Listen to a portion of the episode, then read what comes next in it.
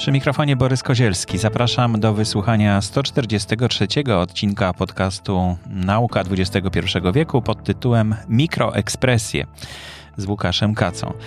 Przypominam o możliwości zadawania pytań e, pod numerem 737 893 825. Jak wybierzecie ten numer, zgłosi się od razu sekretarka automatyczna, no i tam można zostawić nagranie swojego pytania, które będzie zadane później e, temu, tej osobie, e, która jest kompetentna. Być może będzie to Łukasz Kaca, prawdopodobnie, ale jeśli nie, no to ktoś inny może odpowie na pytanie, jeśli dotyczy innego zagadnienia. Można pytania też zadawać poprzez stronę speakpipe.com ukośnik nauka. E, rozmowa jest bardzo długa, ale również bardzo ciekawa, więc ja już więcej czasu nie zabieram, jeszcze na koniec się odezwę. Dziękuję i życzę miłego słuchania.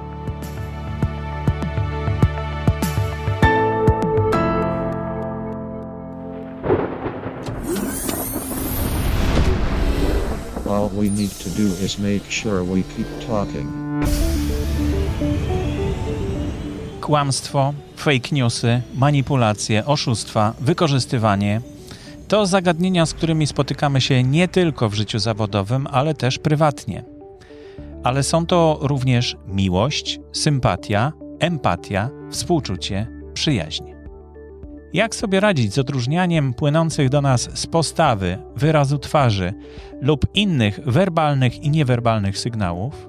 Mogą się nam wydawać czasem sprzeczne o tym, ale jak zwykle nie tylko o tym będę dziś rozmawiać z ekspertem od negocjacji i komunikacji niewerbalnej.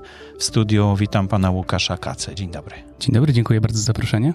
Zajmuje się pan jak długo już tym tematem? Yy, myślę, że to już będzie około 8, 7-8 lat, chociaż 2020, jak wiadomo, zakłamuje, więc pewnie teraz bliżej 9, yy, bo to jest ten rok, którego nikt nie liczy z nas, więc tak powiedziałbym, że w zasadzie to 9. Właśnie te, te lata trzeba będzie jakoś inaczej liczyć. Tak, tak, no bo to jest tak, że wszyscy liczyliśmy do 2019 normalnie te lata, potem była jakaś taka przerwa i teraz wracamy do rzeczywistości powoli. Także myślę, że już bliżej 9 lat. Nawet mimo, że wirus nie odpuszcza, prawda? Pomimo, to, że wirus nie odpuszcza, tak. Musimy wrócić do tej rzeczywistości, bo inaczej dłużej byśmy nie, nie byli w stanie No tak, ale ten, ten rok takiego blackoutu chyba mieliśmy wszyscy, także tak, tak w zasadzie to już 9 lat. Mhm. I jak to się zaczęło? Skąd pan to zainteresowanie? Jak, to, jak pan trafił w ogóle w te rejony?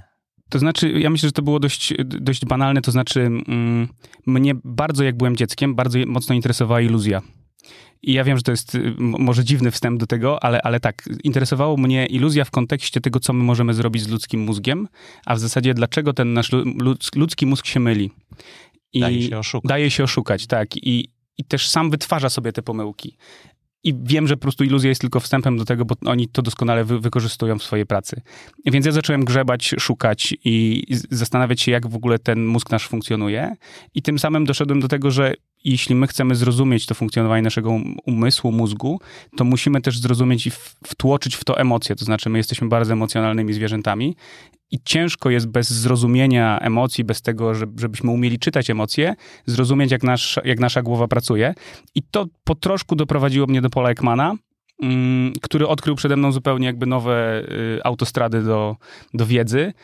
Y, I okazało się, że można patrzeć na człowieka bardziej, bo to de facto o to chodziło od początku do końca, czyli żeby zrozumieć człowieka, żeby spojrzeć na człowieka trochę bardziej. Te wszystkie rzeczy, które się wydarzają, czyli to, że się zajmuję negocjacjami, y, wykrywaniem kłamstwa, czy odczytywaniem ludzi w ogóle, to jest pokłosie tego, że ja po prostu zawsze byłem bardzo ciekaw tego, jak ludzie funkcjonują.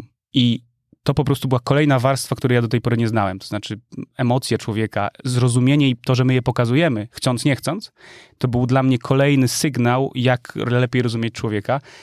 I z tej fascynacji się trochę wziął mój zawód, ale to jak to często bywa z pasji. Mhm. Ale jak pan trafił do Paula Ekmana w takim razie, bo to jest e, wybitny naukowiec amerykański bodajże, tak? tak, tak, tak. Który w latach 80. y, poprzedniego już wieku razem z takim drugim naukowcem y, Wallim Friesenem mm, przez, z tego co wiem, zupełny przypadek, jak to często bywa, mm, dostali grant y, Nie, rektorski. nie ma przypadku. Znaczy nie ma problemu, tak, tak, to prawda.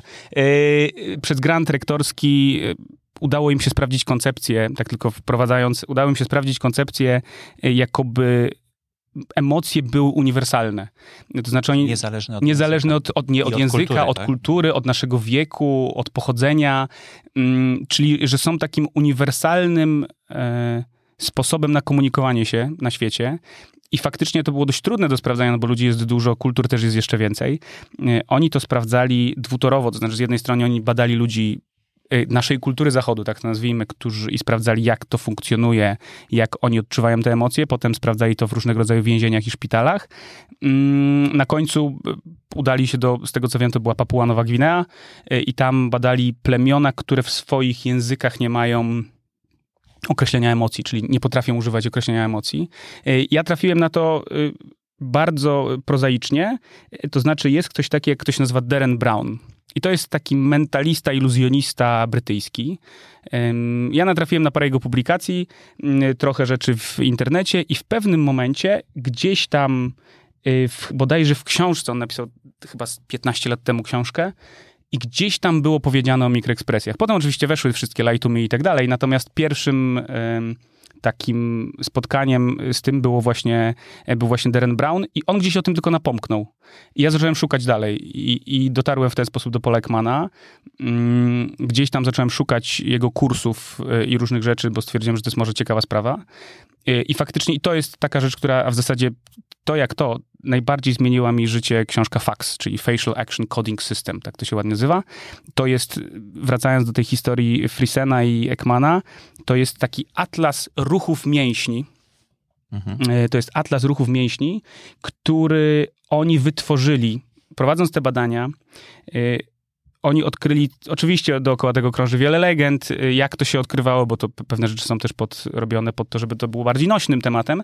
Natomiast generalnie rzecz biorąc, odkryli, że to, co my opowiadamy, to, co, jak to, to, co mówimy, w jaki sposób mówimy, jest do pewnego momentu kontrolowane przez nas, ale pomiędzy tymi wszystkimi rzeczami, pomiędzy tym, co chcemy człowiekowi pokazać, co chcemy, mm, co chcemy mu ukazać swoim, swoim ciałem, czyli na przykład uśmiechem i tak dalej, pomiędzy tymi wszystkimi rzeczami są te niezależne emocje, które się na naszych twarzach pojawiają i one są kompletnie niekontrolowalne przez nas. Czyli pomiędzy, czyli tak jakby pomiędzy wierszami. Po, tak? Zdecydowanie pomiędzy wierszami, bo to jest tak, że to, co my pokazujemy, jeśli się uśmiechamy teraz do siebie, to to jest makroekspresja. Ja świadomie wyrażam jakieś, jakieś uczucie, tylko że to uczucie jest przeze mnie zaplanowane w jakimś sensie. A te mikroekspresje są uniwersalne, nie makroekspresje. Nie, makroekspresje są jak najbardziej kulturowe, to znaczy ja się mogę do pana uśmiechać mając zły dzień i będąc smutnym, ale robię to, bo kontekst kulturowy jest, No tak, jest a w taki. Chinach przecież podobno uśmiech w ogóle co innego oznacza. Absolutnie. Japonia, Chiny, ale nawet Skandynawów, jeśli weźmiemy, to oni się dużo mniej uśmiechają niż my, ale to nie znaczy, że są mniej zadowoleni.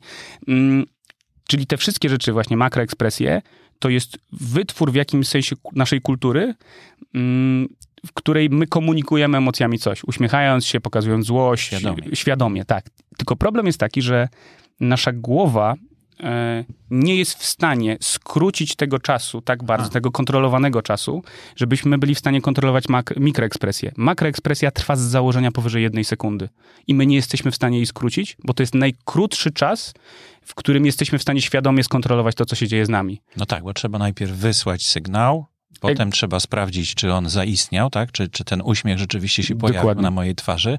I jak stwierdzę, że się pojawił i że chcę go już skończyć, to trzeba znowu wysłać sygnał, żeby go zamknąć, tak? Dokładnie, a nasza świadomość jest raczej niezbyt wydajnym, paradoksalnie, yy, przekaźnikiem informacji. To znaczy, gdybyśmy mieli tylko polegać na niej, to pewnie szybko byśmy skończyli tutaj ten żywot, chociażby wystarczy sobie dotknąć czegoś gorącego i zobaczyć, w którym momencie odczuwamy gorąco, a w którym momencie nasza ręka jest tak. zabrana. Ale to wynika właśnie z tego, że mamy świadomość i mamy samoświadomość. Pewnie chyba, tak, prawda? jak najbardziej. Mhm. Znaczy, to czyni nas dalej naj, na, z całą pewnością najbardziej inteligentnymi zwierzętami na tym, e, na tym naszym, że tak powiem, miejscu, w którym przyszło nam się urodzić. Nie wiem, czy najlepszymi, ale na pewno najbardziej inteligentnymi. E, Natomiast te mikroekspresje, i to, i to właśnie był cały problem w, w udowodnieniu tego. Mm, No bo, bo, makroekspresja trwa co najmniej sekundę, tak? Tak. Mhm. a mikroekspresja powiedzmy, że od pół do 0,8 sekundy tak najczęściej. E, Pół sekundy trwa zaskoczenie. Ono jest najkrótszą mikroekspresją, zdecydowanie najszybciej wyzwalaną e, i absolutnie niekontrolowaną przez nas. Mm, Wszystkie inne powiedzmy, że plasują się gdzieś między 0,7 do 0,9, o tak bym powiedział. To, to zależy też- też od człowieka.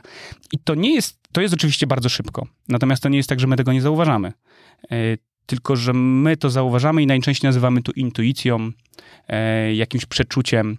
Czyli jeśli ja bym przyszedł do kogoś i znam kogoś dość dobrze, mm, i ta osoba zachowuje się, nie wiem, w pracy załóżmy, spotykam kolegę codziennie i on jest zadowolony, chodzi sobie uśmiechnięty i tak dalej, ale ja czuję, że coś jest nie tak. Nie wiadomo dlaczego, ale czuję, że z moim kolegą jest coś nie tak, no przecież widujemy się codziennie. I to prawdopodobnie dlatego, że ja właśnie wyłapuję te mikroekspresje. Czyli moja podświadomość łapie te momenty, w których on pokazuje na przykład smutek. I to jest normalnie niezauważalne dla kogoś, kto być może go nie zna, bo wtedy się skupiamy bardziej na makroekspresjach, jak kogoś nie znamy. Ale w momencie, kiedy kogoś dobrze znamy, to zaczynamy mieć coś, co właśnie ludzie często nazywają tą intuicją czy przeczuciem, a to de facto jest zbiór informacji, które my podświadomie zasysamy y, i które jesteśmy w stanie jakoś tam zinterpretować, na przykład tym, że wiemy, że coś jest nie tak. Nie wiemy dlaczego, ale czujemy, że coś, nie, co, coś po prostu się wydarzyło nie tak. No bo bliskich się uczymy, tak? Po prostu Oczywiście. Przebywając z nimi, e, Tak, Uczymy się przeróżnych, od mowy ciała to przeróżnych zachowań, ale w tym ich mikroekspresji. Szczególnie, że jeśli to są w ogóle ludzie nam bardzo bliscy, to my przejmujemy ich też ekspresję. To znaczy, ym, mamy to do siebie, że mimika, że y, gesty, czy, czy to jak się zachowujemy, jakieś sposoby wyrażania, są, uwspólniają się, jeśli z kimś długo żyjemy. To znaczy, faktycznie zaczynamy je przejmować, bo człowiek jest w tym kontekście zwierzęciem stadnym, to znaczy, my umiemy się dostosowywać doskonale do, do drugiego człowieka, tylko to najczęściej trwa. Ja w mojej pracy, co prawda, muszę robić to w sposób w jakimś sensie świadomy, czyli dostosowywać się świadomie, ale nawet jeśli jesteśmy rodziną, żyjemy z kimś, nie wiem, jesteśmy studentami, którzy mieszkają razem na stacji czy w akademiku, to oni w pewnym momencie po roku, po, po pół roku zaczynają być podobni biologicznie, nie tylko jakby mentalnie, ale zaczynają się robić y, podobni biologicznie. No doskonałym przykładem takiego biologicznego wyrównania są tutaj kobiety, którym wyrównuje się cykl miesięczny po dłuższym czasie, więc to widać... wspólnego przebywania. Tak, wspólnego przebywania. Mm, Wracając jeszcze do Ekmana, to dla mnie to było o tyle ciekawe, że właśnie ten moment, okej, sprawdzanie tego w kulturze zachodu, powiedzmy, że jest fajną rzeczą, możemy sobie zobaczyć, możemy włączyć kamery poklatkowe, natomiast najciekawsze było właśnie to, co się wydarzyło y, w, tym ple, w tych plemieniach u Papuasów. Momencik, momencik, bo pan powiedział też o ważnym narzędziu, Tak. tak? Czyli e, żeby te mikroekspresje dostrzec, Szczególnie jeśli, jeśli nie jesteśmy w tym wykwalifikowani, bo zakładamy... nie znamy osoby. Tak, i nie znamy osoby, to używa się najczęściej kamer poklatkowych, czyli sytuacji, w której jesteśmy w stanie tak bardzo zwolnić obraz, żebyśmy byli w stanie rozciągnąć tą chwilę między jedną makroekspresją, a drugą Nagrywać makroekspresją. nie 25 klatek na sekundę, tylko 120 Na przykład, tak? I to już wtedy spokojnie daje Potem nam po klatce sobie po obejrzeć. klatce sobie obejrzeć. I tą mikroekspresję wtedy można zobaczyć. Tak? Dokładnie. No tak jak było na filmie. Y, Light to me, Light to me. dokładnie, dokładnie tak. Ciekawsza rzecz była z papuasami, ponieważ tam problemem było właśnie to, który sobie sami wytworzyli, czyli sprawdzenie, co z kulturami, które emocji nie mają. Znaczy, mają emocje, ale nie nazywają ich, czyli nie, nie mówią o smutku. Ym, Czy są w stanie w takim razie rozpoznać smutek u drugiej osoby? No ale okazało się, że bez problemu to robią, to znaczy wystarczy im pokazać zdjęcie człowieka z dowolnego miejsca na świecie i oczywiście oni nie potrafią powiedzieć, że ten człowiek jest smutny, ale potrafią powiedzieć, że ten człowiek wygląda jakby umarło mu dziecko. E, Ten człowiek wygląda jakby świętował rocznicę swojego ślubu. Więc oni rozumieli doskonale to. A przy okazji okazało się, że oni będąc tam, fotografowali ich, nagrywali ich i okazało się, że w dokładnie tych samych sytuacjach smutku, radości i tak dalej pokazują dokładnie to samo. I co więcej, pokazują to już od urodzenia. To znaczy, nasze dzieci uśmiechają się nie bez przyczyny. One już po prostu wiedzą, że to jest pewnego rodzaju uwspólniony komunikat, yy, który ja mogę wysłać. To znaczy, jeśli ja jestem dzieckiem, ja się uśmiecham i to dzieje się zdecydowanie pewnie poza świadomością. Ale to już jest komunikat, który mówi: OK, jestem przyjaźnie nastawiony, uśmiechaj się do mnie, ja się uśmiecham do ciebie, jest fajnie między nami. Tak się zastanowiłem, bo to bardzo ciekawe, to już od, też od dłuższego czasu e, śle- śledzę ten temat e, i rozmawialiśmy już e, w Mhm. podcaście na ten temat kiedyś w odcinku na temat kognitywistyki. Skąd to się wzięło? Jeśli tak spojrzeć od Darwina, od jak gdyby w toku ewolucji, skąd się wzięły mikroekspresje, czy w ogóle ekspresja twarzy, prawda? No to, bo, bo wszystko do czegoś nam służyło. Mhm. E, Znaczy uszy służyły, służyły nam do tego, żeby usłyszeć wroga albo, albo pożywienie, tak? Tak samo oczy, żeby wypatrzeć zwierzynę, którą zjemy, albo no, jagodę, która jest e, trująca albo, albo dobra. Skąd, po, co nam te, po co nam te mikroekspresje, czy ekspresja w ogóle? Znaczy, ja myślę, że może dobrze byłoby zacząć w ogóle, po co nam są emocje, bo, bo tak naprawdę może bez tego byłoby łatwiej. Tylko, że problem jest taki, że człowiek mam wrażenie, emocje traktuje jako pewną etykietę y, rzeczy, które poznajemy. To znaczy, natężenie emocji, rodzaj emocji, które przeżywamy, jest pewnego rodzaju etykietą dla nas samych, żebyśmy wiedzieli, co zapisać. To znaczy, jakie rzeczy, jakie rzeczy można zapisać. Zresztą całkiem niedawno okazało się, że emocje są na tyle fundamentalną kwestią w naszym życiu, że mogą nawet wpływać, e, może nie tyle na genotyp, co, co na pewnego rodzaju pokolenia. Mianowicie było takie mm, badanie, w którym y, sprawdzano tak zwane etykietowanie genów. I ono polegało na tym, że sprawdzaliśmy, co by się stało, jakby, jakby środowisko wywierało wpływ na nas, to znaczy na, na przykład, czy emocje są w stanie wywrzeć wpływ na nas. I oczywiście nie badano tego na ludziach, badano to na szczurach. Okazuje się, że u szczurów jest taki gen, który polega na tym, że matka liże swoje dziecko, to znaczy obdarza je ciepłem, empatią i tak dalej, ale za to odpowiada konkretny gen. Więc zastanowiono się, co by było, gdyby zamienić y, szczurze, że tak powiem, dzieci, czyli dać dziecko bez genu liżącego do matki liżącej. I okazało się, że oczywiście dziecko, które nie miało tego genu, było lizane, było jakby traktowane przez matkę zupełnie inaczej, czyli te warunki środowiskowe, emocje, które ono odbierało, były inne. I w następnym pokoleniu okazało się, że już dzieci rodziły się z genem liżącym. Więc to jak... Pozytywne emocje. Pozytywne, tak? tak. To jak my odczuwamy, analogicznie, jeśli dziecko nie było lizane, miało gen liżący, to w następnym pokoleniu już nie było. I to nie jest kwestia, że tego genu nie było, on był inaczej etykietowany. I kwestia jest taka. No, tutaj przy okazji mała dygresja, bo też um, słyszałem o, te, o badaniach na, na myszkach, mhm. które zabierane od y, swoich matek, y, te, które były lizane pędzelkiem, mhm. były w stanie przeżyć. Natomiast o, te, które, które nie były w ogóle odizolowane, w ogóle bez żadnego kontaktu, u nich uruchamiał się mechanizm autodestrukcji, czyli po prostu uruchamiały tak, takie samobójstwo. Samobójstwo. Mhm. I, więc my to, jak, jakby jak przeżywamy i to, co dostajemy od życia w postaci tych emocji, czyli to, jakie te emocje są i albo jakich, jakich nie ma, bo oczywiście tu mówimy o zjawisku środowiskowego wpływu, natomiast emocje to jest pewnego rodzaju nośnik informacyjny. To znaczy jest bardzo skuteczny, bo oczywiście moglibyśmy powiedzieć, że można żyć bez emocji, ale wtedy byłoby to w niektórych sytuacjach mm, trudne. Na przykład, no, ciężko by byłoby stwierdzić, co jest trujące. Mówimy o latach, latach wstecz. Czy który wąż jest jadowity? Łatwiej jest się bać węży. No zdecydowanie łatwiej powiedzieć, że jeśli na przykład wezmę łyka tej wody, mhm. o, jaka smaczna woda. Tak Prawda? jest. To jest. I, to, I to właśnie, no o to chodzi. I te rzeczy dają nam impuls, dają nam etykietę do tego, co się, co się z nami dzieje, dlatego nam są tak bardzo potrzebne.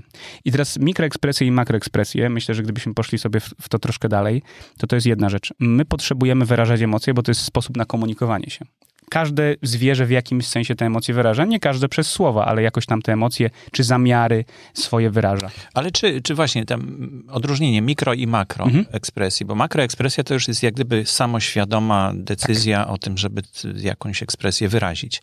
Natomiast ta, wcześniej, ta, ta mikroekspresja jest nieświadomym takim, znaczy pozaświadomym mm, przekazem, prawda? Tak Czyli tutaj kwestia jest połączenia y, jak gdyby tego ośrodka, który wydaje E, rozkaz, żeby, żeby jakąś ekspresję wyrazić? Ja myślę, że to jest kwestia bardziej tego, co my chcemy pokazać. To znaczy, że my w dzisiejszej kulturze musieliśmy wytworzyć sobie sposób na to, żeby pokazywać emocje, ale żeby to nie musiały być prawdziwe emocje. To znaczy, z racji tego, że emocje tym bardziej w naszym świecie też są nośnikiem emocji takim samym, albo czasem nawet silniejszym niż to, co mówimy, bo przyjmijmy, to, co powiemy wsadzone w różne konteksty emocjonalne, potrafi brzmieć zupełnie inaczej i potrafi mieć zupełnie inny wydźwięk. Więc my, jako ludzkość, musieliśmy nauczyć się i wykształcić sobie w tym procesie samoświadomości pokazywanie nie tylko tego, co odczuwamy faktycznie, bo to jest po prostu nieużyteczne dla nas. Mhm. To znaczy, nie zawsze pokazywanie smutku w dzisiejszej kulturze jest ok, w różnych kontekstach. Tak samo jak pokazywanie radości i tak dalej, i tak dalej. I to widać, te makroekspresje, jak one, jak one są przetwarzane, widać na podstawie różnych kultur, które w procesie te, tego swojego wykształcania się zupełnie inaczej wykształciły te makroekspresje. Kultura e, Azji generalnie zupełnie ma inne podejście do makroekspresji niż nawet, nie wiem, nasza centralna Europa, już nie biorąc Ameryki e, pod uwagę, bo w Ameryce dużo częściej ludzie się będą uśmiechać i to oczywiście jest makroekspresja. Mówimy o uśmiechaniu się po to, żeby przekazać Świadome. komunikat. Mhm. W Azji ludzie uśmiechają się dużo mniej. Interpretacje tych rzeczy są również różne. To znaczy u nas, e, gdyby ktoś się częściej uśmiechał, to my zaczynamy go podejrzewać o coś, w Ameryce, jeśli ktoś się nie uśmiecha, to zaczynamy go o coś podejrzewać. Czyli ta, ta baza jakby tego poziomu zaufania zależy w dużej mierze od rozumienia emocji też.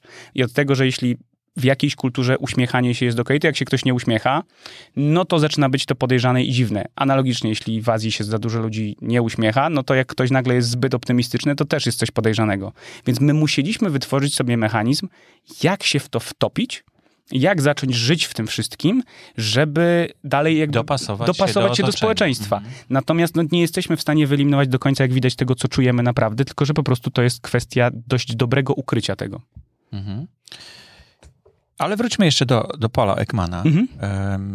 Czego się pan tam nauczył? Jak, jak wyglądały te, te, te kursy? Bo to bardzo ciekawe. Myślę, że y, sporo słuchaczy może chcieć pójść podobną drogą. Może niekoniecznie do Paula Ekmana, ale znaleźć jakiegoś swojego Pewnie. mentora, czy kogoś, y, y, kto pociągnie ich w stronę nauki. To znaczy, zacznijmy od jednej rzeczy. Paul Ekman jest człowiekiem, który to wymyślił, no, może wym- wymyślił, opracował, faktycznie opisał to w najlepszy sposób. I teraz, jeśli ktoś chciałby tylko poznać Paula Ekmana, no to jest fajna sprawa. To, to już jest to prawda bardziej, bardziej taki pan e, wiekowy, natomiast dalej najczęściej można go spotkać z tego, co wiem, w Ameryce albo w Manchesterze. Jeszcze. Bo, no, jeszcze, no tak, jeszcze można. I on faktycznie, chociaż przyjmij na, na ten moment raczej tych kursów nie prowadzi za dużo, ma już jakby całą sieć y, zbudowaną, się nazywa Paul Ekman Group. Natomiast y, pamiętajmy też o, tym, że jakby sam, sam kurs to jeszcze to jest za mało. To znaczy, my możemy sobie pojechać na, nie wiem, tydzień kursu albo na trzy dni kursu, gdzie nam ktoś opowie o tym, jak działają mikroekspresje. Może to być nawet sam Paul Ekman. I on nam może opowiedzieć, jak działają mikroekspresje, jak to funkcjonuje i tak dalej. Natomiast to jeszcze nie załatwi sprawy. Tu trzeba, nie chcę nikogo zniechęcać, to nie o to chodzi, ale tutaj trzeba wykonać sporo pracy samemu, takiej pracy u podstaw, bo ten faks, to jest, czyli ta książka Facial, Ac- Facial Action Coding System, to jest nic innego jak y, taki zapis tego, co się dzieje z naszymi mięśniami twarzy. My mamy 43 mięśnie, które ruszają się na ponad 20 parę tysięcy różnych kombinacji. I teraz y, Ekman z Friesenem, y, tworząc fax, chcieli zobaczyć, jakie mamy możliwości, to znaczy, Aha. co jesteśmy w stanie zrobić z tymi, naszymi, z tymi naszymi mięśniami, więc oni się do tego stopnia, że oni się nakłuwali igłami pod napięciem. I co więcej, w faksie, w książce są zdjęcia Ekmana. To znaczy faktycznie te emocje, tylko oni tam po prostu pokazywali jedno. Co to znaczy, że na przykład brwi się ruszają na trzy różne sposoby. I oni nakłuwając się, czy, czy mając też te możliwości, bo mamy różne zdolności ekspresyjne. Ja na przykład nie jestem w stanie ruszyć jedną brwią. Są tacy ludzie, którzy robią to bez problemu. Mm, Ja tylko ruszam całą głową. Natomiast są tacy, którzy, którzy to robią. Oni też wiem, że niektórych rzeczy nie potrafili, więc wtedy używali prądu po to, żeby sprawdzić, jakie są spektra po prostu tego ruchu e, naszych mięśni. I oni nadali temu tak zwane action unity, czyli oni to ponumerowali i stwierdzili sobie, że okej, to będzie taki action unit, on odpowiada za brwi. I to jest książka, która opisuje tylko i wyłącznie te action unity. To tak przy okazji link do tej książki będzie można znaleźć teraz po kliknięciu na, w chapterze, bo tam linka możemy umieścić w audycji. Okej, to jak najbardziej. w To, trakcie. to Ja się pewnie. później dowiem, jaki jest adres. Nie ma problemu, jak najbardziej. książkę. Y, I teraz tak, to więc to był początek, czyli to jest taka rzecz, którą no myślę, że jeśli ktoś chciałby za, zacząć zajmować tym czytaniem ludzi, czy, czy odczytywaniem nawet kłamstwa idąc dalej, to to jest taka rzecz, którą trzeba poznać. I to jest, z tym jest troszkę tak, że na początku też trzeba się nauczyć tego na blachę, mówiąc kolokwialnie. Potem tego dalej używamy, tylko już wchodzi w to w te, ten zakres takiej nieświadomej kompetencji, czyli po prostu tego używamy. Ale na początku ten pierwszy etap szczególnie jest bardzo istotny. Ale bo mówi pan Mhm. o tych e, brwiach, że trzy rodzaje mają, tak? Mhm. E, Pewnie to jest wielokrotnie więcej, jeśli chodzi o całą twarz, no to trzeba przemnożyć i, i to jest Tak, wielokrotnie stąd te więcej. 20 parę tysięcy No dobrze, kombinacji. ale emocji chyba ograniczoną liczbę można Jest mieć. siedem. No właśnie, jakie to są? Teraz, żebym, żebym tutaj się nie pomylił, ale spró- spróbujemy, lecimy. E, radość, smutek, złość, obrzydzenie, pogarda, zaskoczenie i wstyd. Chyba dałem radę. E, chyba dałem radę. Teraz tak, te siedem emocji podstawowych należałoby interpretować trochę jak, jak trzy kolory podstawowe. To znaczy, mamy pewnego. się mieszać. Tak, one się mieszają i stąd powstają te wszystkie inne emocje. To znaczy, jeśli y, możemy sobie wymieszać, nie wiem, jakiś skrajny smutek ze złością i wtedy będziemy mieć agonię. Y, taki agonalny smutek. Y, możemy sobie wziąć złość i wstyd, y, no i to wtedy jest taki miks, jak coś zrobimy, na co, co, co powoduje, że jednocześnie jesteśmy wściekli na siebie na przykład i jednocześnie znam strasznie za to wstyd. Mm, radość może być euforyczna, czyli może być Mieszane uczucie, tak tak, tak, dokładnie możemy mieć co do tego mieszane uczucia. I to jest te siedem, w ogóle na początku było sześć, y, ponieważ y, Ekman i Friesen nie założyli, że zaskoczenie może być też e, mikroekspresją, bo trwało za krótko, to znaczy nie pasowało do reszty. I ono bodajże weszło do tego kanonu dopiero po 15 latach, bo ono było takim trochę brakującym ogniwem, to znaczy brakowało różnych rzeczy i nie wiadomo dlaczego. I, i to zaskoczenie jakby wypełniło tą lukę doskonale. I to jest sytuacja taka, że, że te y, mikroekspresje no jesteśmy w stanie, i to, to jest coś, co znamy. Natomiast faks, to o czym mówiłem wcześniej, to jest jakby dojście, dlaczego te, te emocje powstają w taki, a nie inny sposób i jak one powstają. Przy czym tak jak powiedziałem, faks to nie jest nic innego jak atlas. Czyli my tam sobie możemy przeczytać, jak funkcjonuje nasza twarz. Tam nawet jeszcze nie ma interpretacji emocji specjalnie. To jest tylko i wyłącznie to, jak się poruszają nasze mięśnie na twarzy. Dalej, y, Ekman jak zrobił to razem z Frisenem, to dopiero wtedy zaczęło się otwierać przed nimi opcje, czyli zgłosiło się w BI i powiedzieli, ok, skoro macie takie rzeczy, no to możemy to jesteśmy w stanie jakoś sensownie wykorzystać w, w naszej pracy. Yy, rząd, prawnicy, wszyscy ci ludzie powiedzieli, no to może zróbcie z tym coś więcej. I oni stworzyli coś, co się nazywa MET, M-E-T-T, to jest Micro Expression Training Tool. I ten MET to jest stricte mówiąc i książka, i kurs, ale też przede wszystkim program do sprawdzania, który wyświetla nam na tą 80 do sekundy mikroekspresję ludzi, tam jest cały bank twarzy, i można się przy tym trenować. Czyli można y, zrobić sobie taki kurs, tylko jak już znając jakby te mm, mikroekspresje, rozumiejąc jak te emocje powstają, możemy na tych siedmiu emocjach podstawowych nawet sobie potrenować, gdzie mamy, tak jak mówię, atlas ludzi, którzy są w różnym wieku, z różnych Mhm. kultur. Ale czy to możemy trenować w czasie rzeczywistym, czy, czy te poklatkowe filmy musimy Nie, nie, nie. Tam robi to tak, że wyświetla nam na czas rzeczywisty i potem nam mówi, czy mieliśmy rację. Aha. To jest po prostu i, oka- i pokazuje nam naszą skuteczność. E, Czyli wyświetlają się różnego rodzaju twarze, którym się zmienia na te 80 sekundy mikroekspresja i jeśli my to jesteśmy w stanie zauważyć, klikamy, mamy wybory, możemy Aha. sobie kliknąć daną odpowiedź i jeśli jest ok, no to mówi nam, jeśli nie jest ok, to też nam mówi, e, że jest nie ok. I wtedy widzimy też Taki wolno... testów Tak, taki wolno zmieniający się, zmieniającą się twarz. Potem do tego doszły kolejne rzeczy, czyli SET, to jest Subtle Expression Training Tool, czyli takie subtelne ekspresje mimiczne. Czyli powiedzmy, że o ile, nie wiem, zaskoczenie albo tak, taka złość czy obrzydzenie jest bardzo wyrazistą emocją, bo jest zaangażowane w to bardzo dużo różnych rzeczy, to pogarda na przykład może być bardzo delikatnym. To najczęściej się objawia symetrią twarzy, a w zasadzie do delikatnym uniesieniem kącika ust. I chodziło o to, co zrobić, jeśli widzimy tylko to, jak jeszcze zwracać bardziej uwagę na te mięśnie. Y, Całkiem niedawno, bo ja w tamtym roku sobie odświeżałem wszystkie certyfikaty, to znaczy przeszedłem wszystkie kursy, co przyznaję, że y, zawsze podchodzę do tego y, z takim delikatnym stresem, sprawdzając, ja- jak bardzo jestem dalej dobry w tym, w, w tym temacie. I faktycznie doszedł jeszcze taki mm, kurs, który pozwala na zrobienie certyfikatu, patrząc tylko i wyłącznie na profil człowieka. Czyli coś, co przyznaję, że w czasach maseczek zrobiło mi ogromną różnicę, no bo widzimy bardzo często tylko oczy, a w zasadzie czasem nawet ich profil, ale to jest sytuacja, w której z oczu też, z ruchów tutaj dookoła oczu, policzków jesteśmy w stanie również dużo wyczytać. To jest kwestia fokusowania się na dany y, obszar. Natomiast pierwszą rzeczą, a propos tego, no to jest zaczęcie od zrozumienia, jak działa twarz.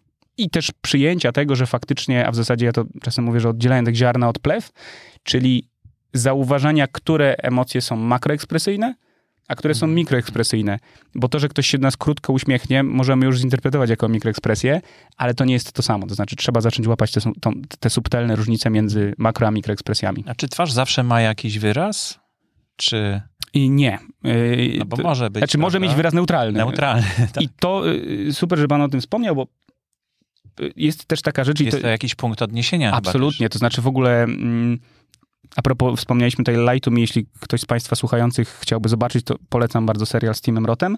Natomiast jak to często bywa, chociaż tam to akurat było całkiem fajnie pokazane, natomiast często te rzeczy, mamy pewne uproszczenia. To znaczy, uproszczenia powodują, że y, to wygląda dość spektakularnie, że podchodzi ktoś e, do, nie wiem, sprzedawcy z lodami i mówi, a tutaj pan nie mył ręki i pan jeszcze wczoraj się pokłócił z żoną.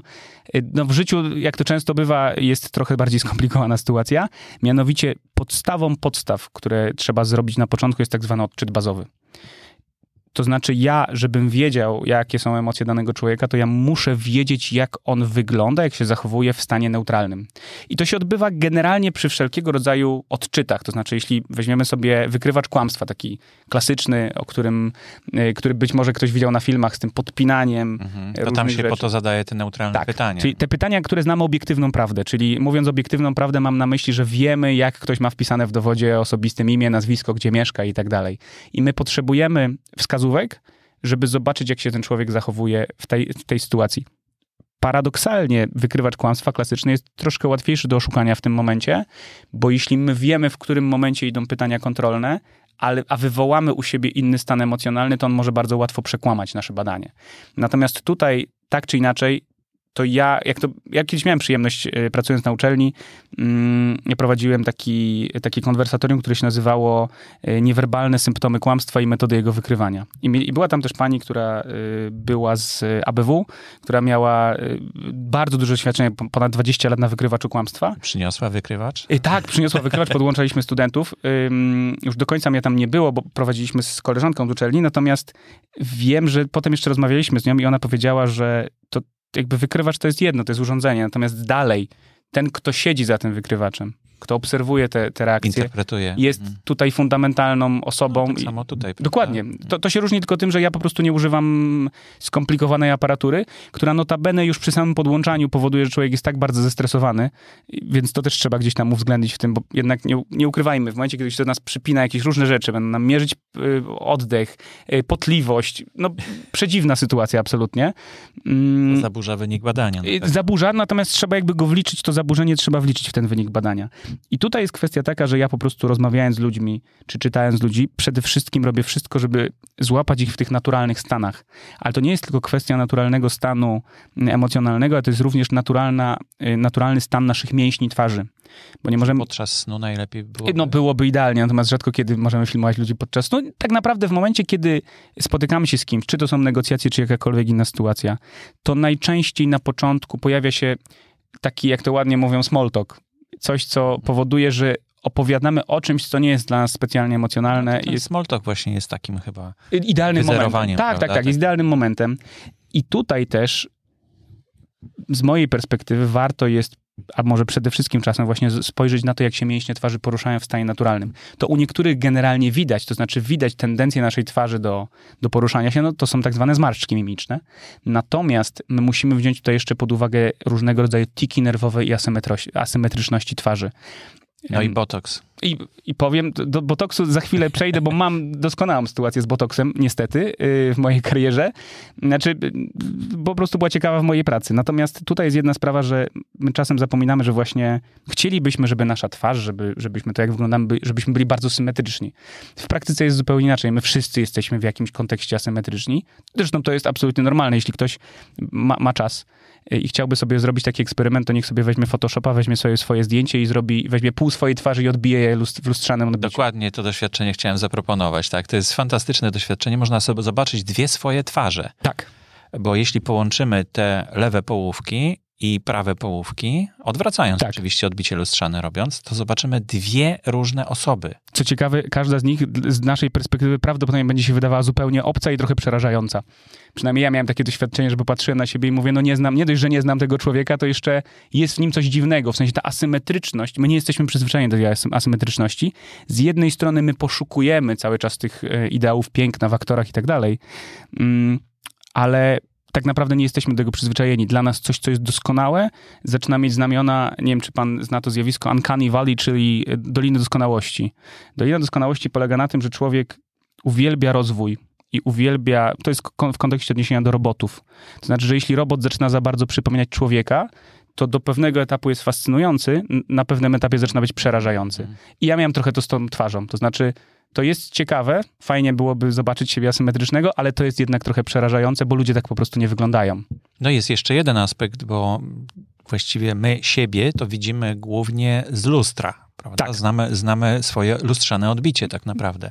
I potem jak patrzymy na zdjęcia, które nam ktoś zrobił, no to wydaje nam się, że coś tutaj jest nie tak, prawda? Że to, że to jest nie nasza twarz. No dokładnie, raz, raz, że musielibyśmy odbić się w głowie, to znaczy zmienić orientację tego lus- lustrzanego odbicia. Dwa, że no, my jesteśmy przyzwyczajeni też na patrzenie na siebie z odpowiednich kątów w odpowiednim kontekście, więc jeśli nagle jesteśmy fotografowani z profilu, czego w normalnym układzie nie jesteśmy w stanie zobaczyć, to to jest, potrafi być szokujące e, doświadczenie.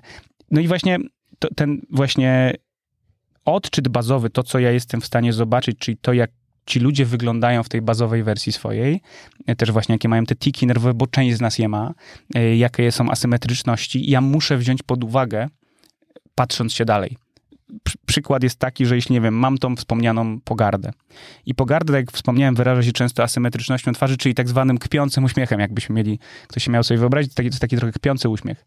Półgębkiem. Półgębkiem, tak. I teraz jeśli, i oczywiście upraszczając, jeśli ktoś mm, w naturalny sposób ma asymetrię na prawo i faktycznie prawą stroną też tą pogardę pokazuje, czyli uśmiecha się tym półgębkiem na prawo, no to jeśli ta asymetryczność do tego dojdzie, to po prostu będzie to dość wy, mocno wykrzywiony uśmiech.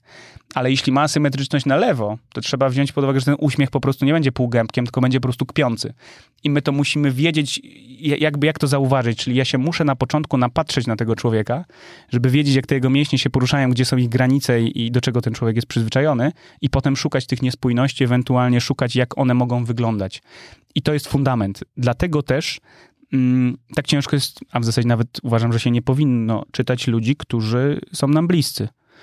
Bo tutaj to spojrzenie na ich emocjonalność bez tego naszego bagażu, bez ładunku emocjonalnego, który mamy w sobie, czyli żeby, mówiąc fachowo, uniknąć tej heurystyki potwierdzenia, czyli tego, że ja będę chciał sobie coś samemu udowodnić, patrząc na nich, bo wiadomo, że jeśli mam emocje, to, to za tym się kryją jakieś wewnętrzne pasje, namiętności, popędy i tak żeby te emocje po prostu nie wykrzywiały tego przekazu. Jest to trudne z ludźmi bardzo bliskimi. Yy, Nie wiem, czy niewykonalne. Ja, ja mam z tym zdecydowanie problem. Zresztą w ogóle wychodzę z założenia, że nie ma sensu czytać ludzi nam bliskich. Bazujmy tutaj na zaufaniu i jakby relacjach. No, ale to jest y, człowiek, osoba bliska jest dla nas tak em, dobrze przeczytana już chyba, że to Y, Z jednej strony tak i myślę, że właśnie przez to, że jest tak dobrze przeczytana, trzeba uważać, bo to jest osoba, którą doskonale znamy, a jak jeszcze dołożymy do tego umiejętności takie jak mam ja, czyli faktycznie widzenia wszystkiego, to to jest doskonała droga do zapędzenia się z daleko. To znaczy do tego, żeby zacząć pod jakby presją własnych emocji interpretować cudze emocje na jakąś stronę. Dla mnie fundamentem mojej pracy, ja pracuję najczęściej tak, że albo pracuję jako negocjator, czyli ja faktycznie negocjuję, ale często ja się zajmuję po prostu odczytywaniem, czyli jestem wynajmowany przez różnego rodzaju firmy, instytucje e, czy ludzi prywatnych i ja czytam drugą stronę. Mm, Teraz dla mnie fundamentalne jest, żeby jak najmniej wiedzieć. To znaczy, jak najmniej mieć opinii o tej osobie. Ja oczywiście mogę wiedzieć, bo często muszę się przygotować merytorycznie do tego spotkania. No ale Y- co, głos pan wyłącza wtedy z takiego nagrania? Y, Znaczy, ro- robię tak. Głos nie ma chyba takiego znaczenia. Y, Ogromne ma ma znaczenie. Ma? Mhm. Oczywiście. Znaczy, ja nie skupiam się tylko na mikroekspresjach. Wychodzę z takiego założenia, że człowiek jest na tyle skomplikowaną istotą, że tutaj pofragmentowanie sobie tego i używanie na przykład tylko głosu albo na przykład tylko mowy ciała bardzo mocno nam zaburzy. Y, W głosie się y, bardzo dużo rzeczy dzieje. y, Wystarczy popatrzeć na to, posłuchać człowieka mówiącego nas przez telefon. I Albo podcastu. Znaczy. albo podcastu i skupić się na tym, czy się uśmiechamy w tym tak, momencie, tak. jaki mamy tembr głosu, to zupełnie zmienia. Znaczy człowiek uśmiechnięty mówi zupełnie inaczej niż człowiek zezłoszczony. Zresztą w mm, głosie też się kryje dużo różnych takich zakamuflowanych rzeczy, jak na przykład to, że no, ba- banalna rzecz. W momencie, kiedy mówimy zdania twierdzące, to w naturalny sposób częstotliwość naszego głosu przy końcówce zdania opada. To znaczy jest twierdząca, więc jak ja bym powiedział, że idziemy na kawę, to jest opadająca ten. Natomiast jeśli ja się pytam kogoś o coś, to w naturalny sposób podciągam te końcówki, mówiąc, czy idziemy dzisiaj na kawę? I w momencie, kiedy ludzie mają problem, na przykład, nie wiem, no chcą coś oszukać, skłamać, to bardzo często Mylą się, się. mylą te rzeczy. My mamy dość duży problem z ogarnianiem jednocześnie tego, co myślimy, co mówimy i jak się zachowujemy. To jest bardzo dużo dla, nas- dla naszego procesora w głowie. Mm, dlatego też A w ogóle poza tym procesorem są mikroekspresje. a w ogóle poza tym procesorem są te mikroekspresje. Więc to jest sytuacja taka, że. I na, a, ale po, napom, napomknąłem o tym procesorze, bo jeśli bardzo się skupiamy na tym, co chcemy pokazać twarzą też, to tym łatwiej paradoksalnie mi zobaczyć mikroekspresję, bo człowiek tak bardzo się skupia na kontrolowaniu jednego, że tym bardziej widać te drugie rzeczy.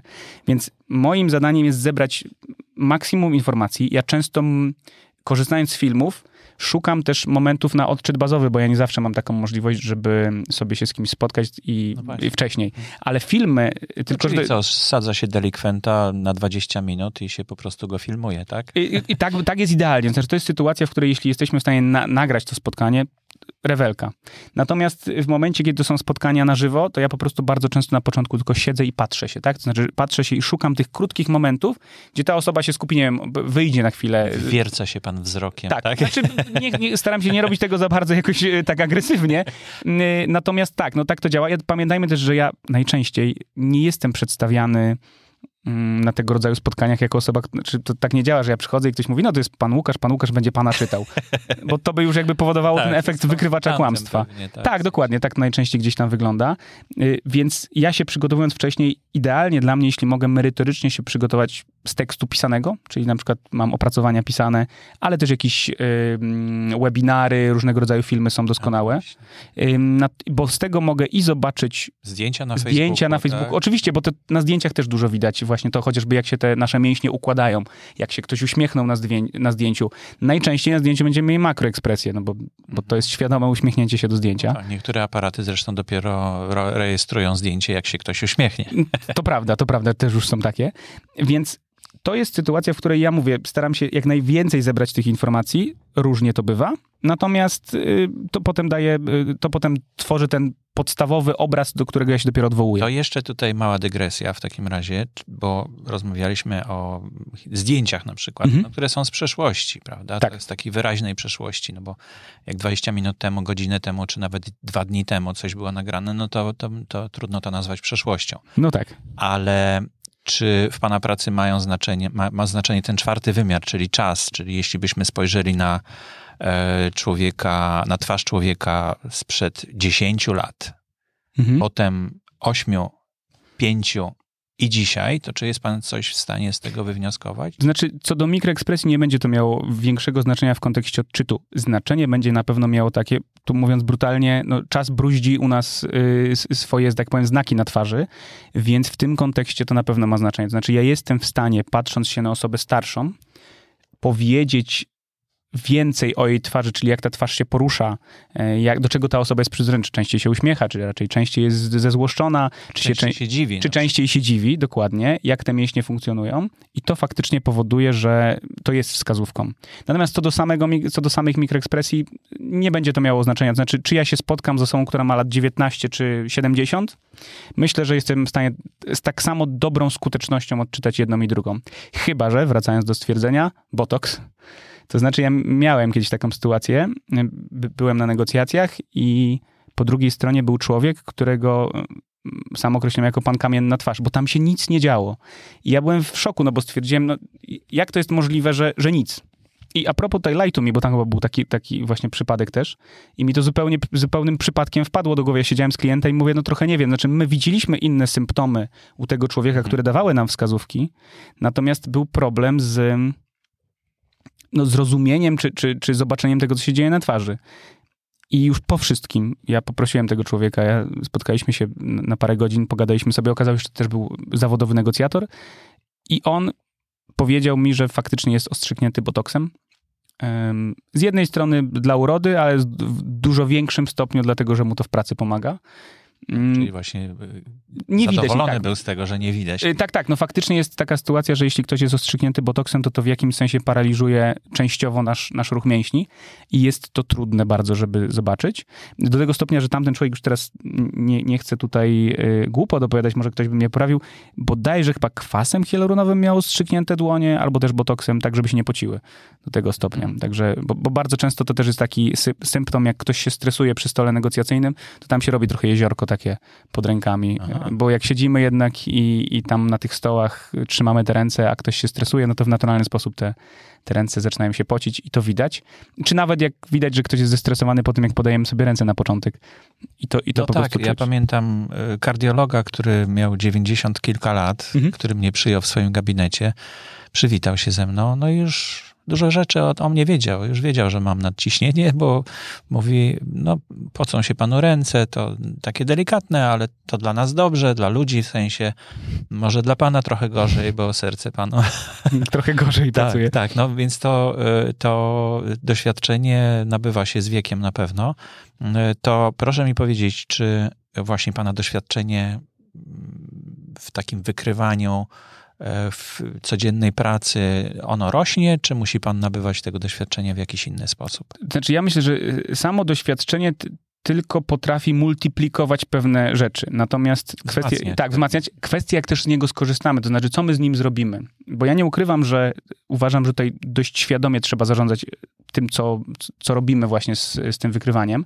Pamiętajmy też, że ja mówiąc wykrywanie czy odczyt, tutaj się posługuję takimi dwoma pojęciami.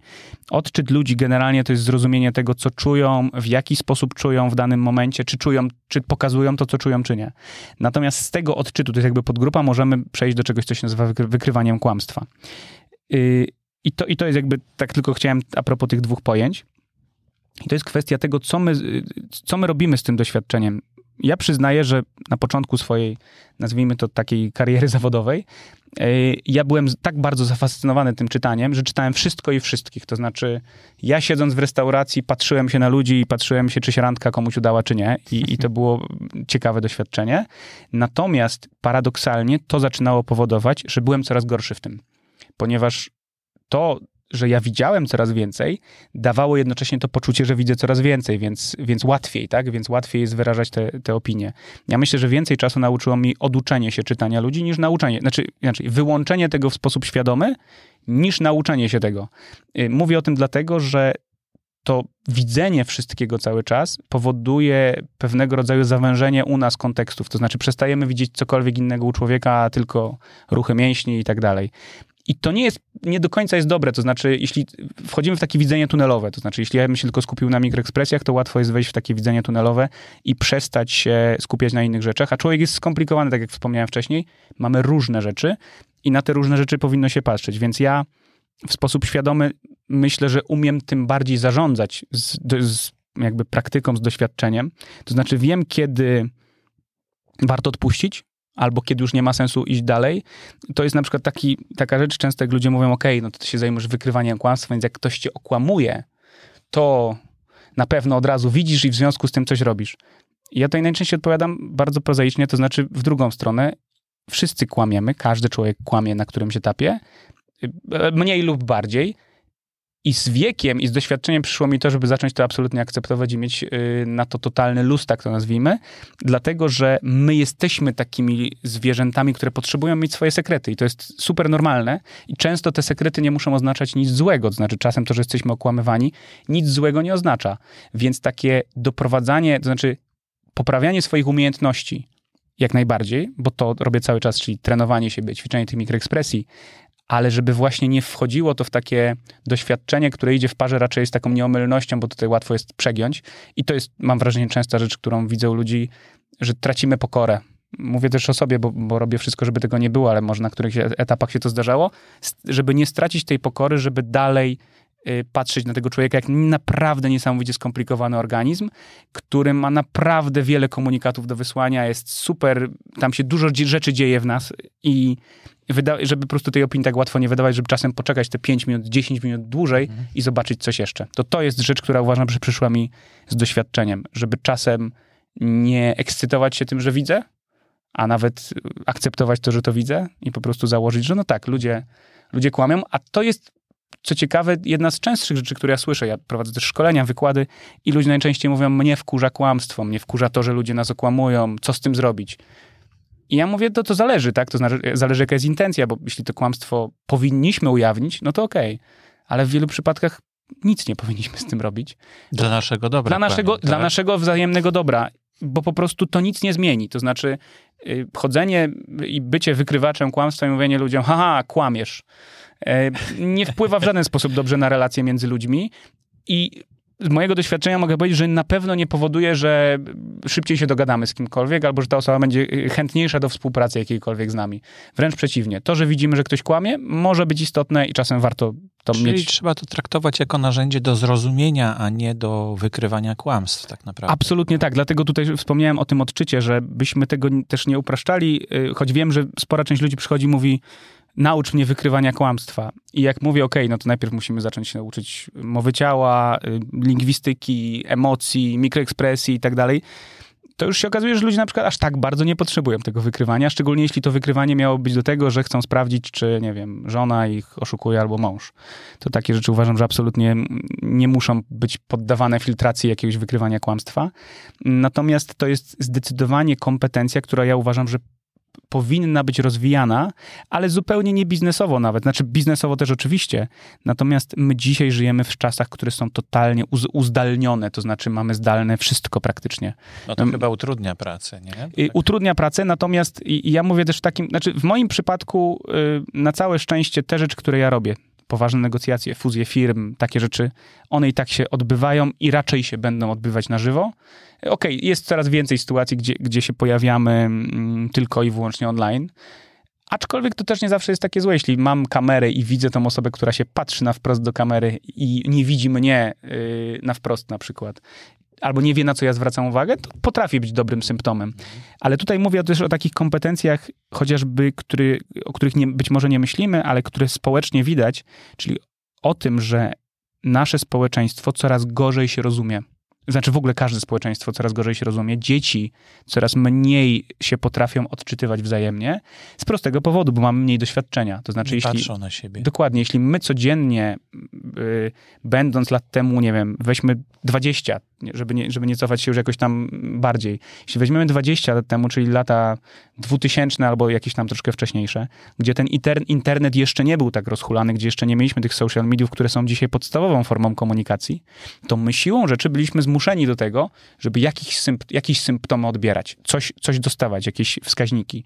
I, czy to jeśli nawet byliśmy w, nie wiem, w szkole i kolega upadł i faktycznie go bolało, to automatycznie ja się uczyłem, że tak, to jest ta krzywda, a to znowu, znowu wywoływało u nas empatię, tak? To znaczy my się uczyliśmy z tym empatyzować, ale przede wszystkim też się uczyliśmy tego spięcia, okej, okay, to jest cierpienie, to jest ból. Ja komuś sprawiłem, jeśli ktoś się przewróci, to jest dość oczywiste sprawienie bólu, natomiast jeśli ja komuś coś powiem i ja widzę jego reakcję, to ja mogę zrozumieć, że w ten sposób realnie krzywdę, krzywdę tego człowieka, jeśli on pokaże, nie wiem, płacz, smutek i tak dalej, to co się dzieje u dzieci.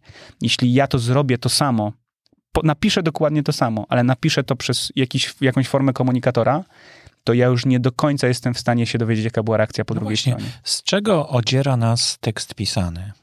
Z y, emocji? Ja bym powiedział, że przede wszystkim z emocji, ale tym samym, to chyba idąc za Jakubem Żulczykiem, który w którymś wywiadzie powiedział, że jakbyśmy nie patrzyli na komputer i co byśmy z nim nie robili, to dalej jest trochę literek, które się pojawia na białym ekranie albo na czarnym ekranie to dalej dla naszego mózgu nie jest naturalne, bo to dalej są literki. My nie potrafimy empatyzować z literkami. My nie potrafimy się wczuć w życie literek. W momencie, kiedy mamy tego drugiego człowieka, to chcąc, nie chcąc, odbieramy sygnały. To, to, chyba dlatego, że bardzo krótko w okresie ewolucji używamy tych literek. Jak najbardziej, tak. Znaczy ja nie, nie, nie wiem, jak to będzie wyglądało za 30 tysięcy lat, tak? Jeśli to jeszcze będzie coś... Może te literki znikną w Możliwe, może się będziemy komunikować zupełnie jeszcze jakoś inaczej. Natomiast na pewno wiem, że to, że to powstało na przestrzeni, nie wiem, ostatnich 20 czy 30 lat, powiedzmy. Idę trochę wstecz jeszcze do gadu-gadu i, i tych innych jeszcze komunikatorów, które były pierwsze no to absolutnie ewolucja nie miała prawa jeszcze tutaj w żaden sposób zadziałać. No tak, nawet patrząc w ogóle na historię pisaną, czyli historię tak naprawdę, tak. bo to historię się liczy od momentu, od... kiedy coś Ktoś zapisano. Coś, tak. mhm. A nie, prze, a nie powiedziano, bo to historia mówiona to trochę sięga dalej. Dokładnie tak. Mm, no i, i tutaj to, to, będzie, myślę, jedno z podstawowych wyzwań, które my dzisiaj mamy. To znaczy, co zrobić z tym dalej? Jak to, jak nauczyć yy, nas, bo jeśli, jeśli tego nie będziemy robić, to będziemy coraz mniej empatyczni. To znaczy, ja już czasem, jak robię jakiś mam wykład i, i czasem absolutnie jest dowód anegdotyczny i niemiarodajny, więc nie traktujmy tego jako y, podbudowanie merytoryczne, ale czysto, czysto anegdotycznie. Ja czasem na wykładach, nie wiem, mam 100 osób, powiedzmy, i tym 100 osobom daję cztery twarze z różnymi emocjami. I mówię, jak wam się wydaje, tak? To znaczy, i to najczęściej tyle robię, że to są, załóżmy, wszystko politycy, wszyscy w podobnym wieku i wszyscy o tym samym kolorze skóry, skóry żeby jakkolwiek to było podobne.